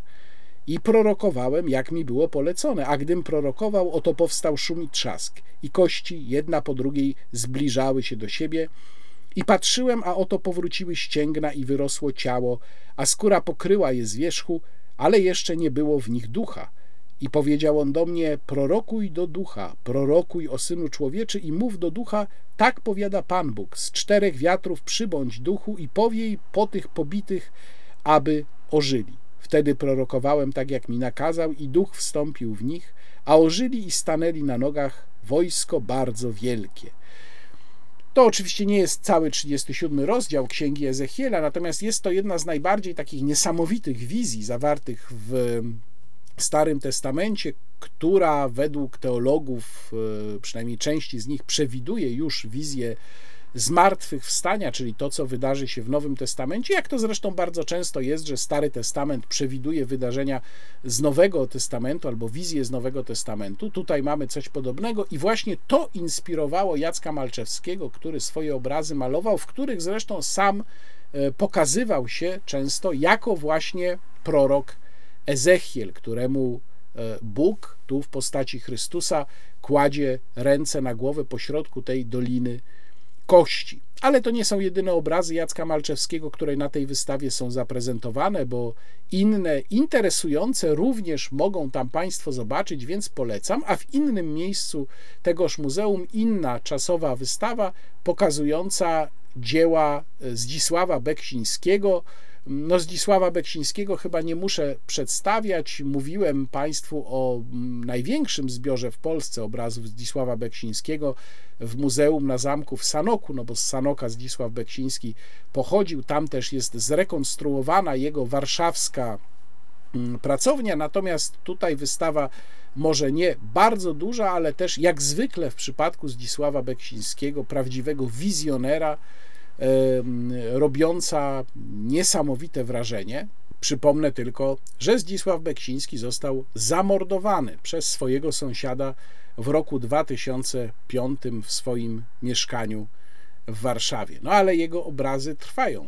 Taka jest moc artystów. Poza tym oczywiście w Muzeum Archidiecezji Warszawskiej wiele innych eksponatów, między innymi jest tam bardzo ciekawa, nieduża wystawa, stała wystawa mówiąca o e, księdzu kardynale Stefanie Wyszyńskim. A ponieważ jest to ostatni wideoblog przed świętami, więc mnie pozostaje złożyć Państwu życzenia, ilustrując je tutaj obrazem, tryptykiem właściwie, który miałem nie tak dawno okazję oglądać na żywo, czyli jest to Pokłon Trzech Króli, czy też Pokłon Magów autorstwa Hieronima Boscha, wielkiego brabanckiego mistrza z miasta z Hertogenbosch, który to obraz, który to tryptyk miałem okazję oglądać w Muzeum Prado w Madrycie.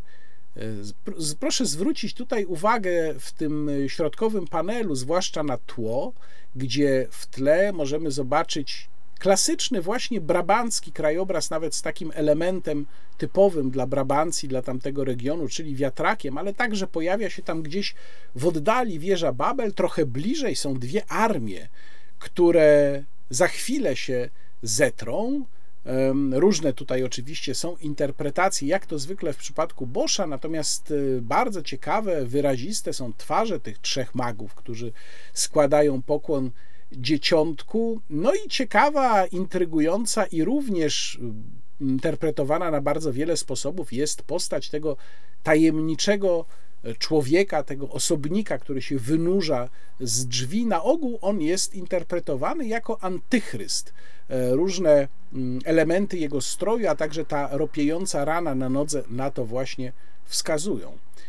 Więc y, Bosch, pokłon Trzech Króli, związany z okresem, w którym jesteśmy, a ja życzę Państwu przede wszystkim spokojnych, pozwalających oderwać się od tego, co doczesne, radosnych, no i zdrowych, bo zdrowie najważniejsze, świąt Bożego Narodzenia.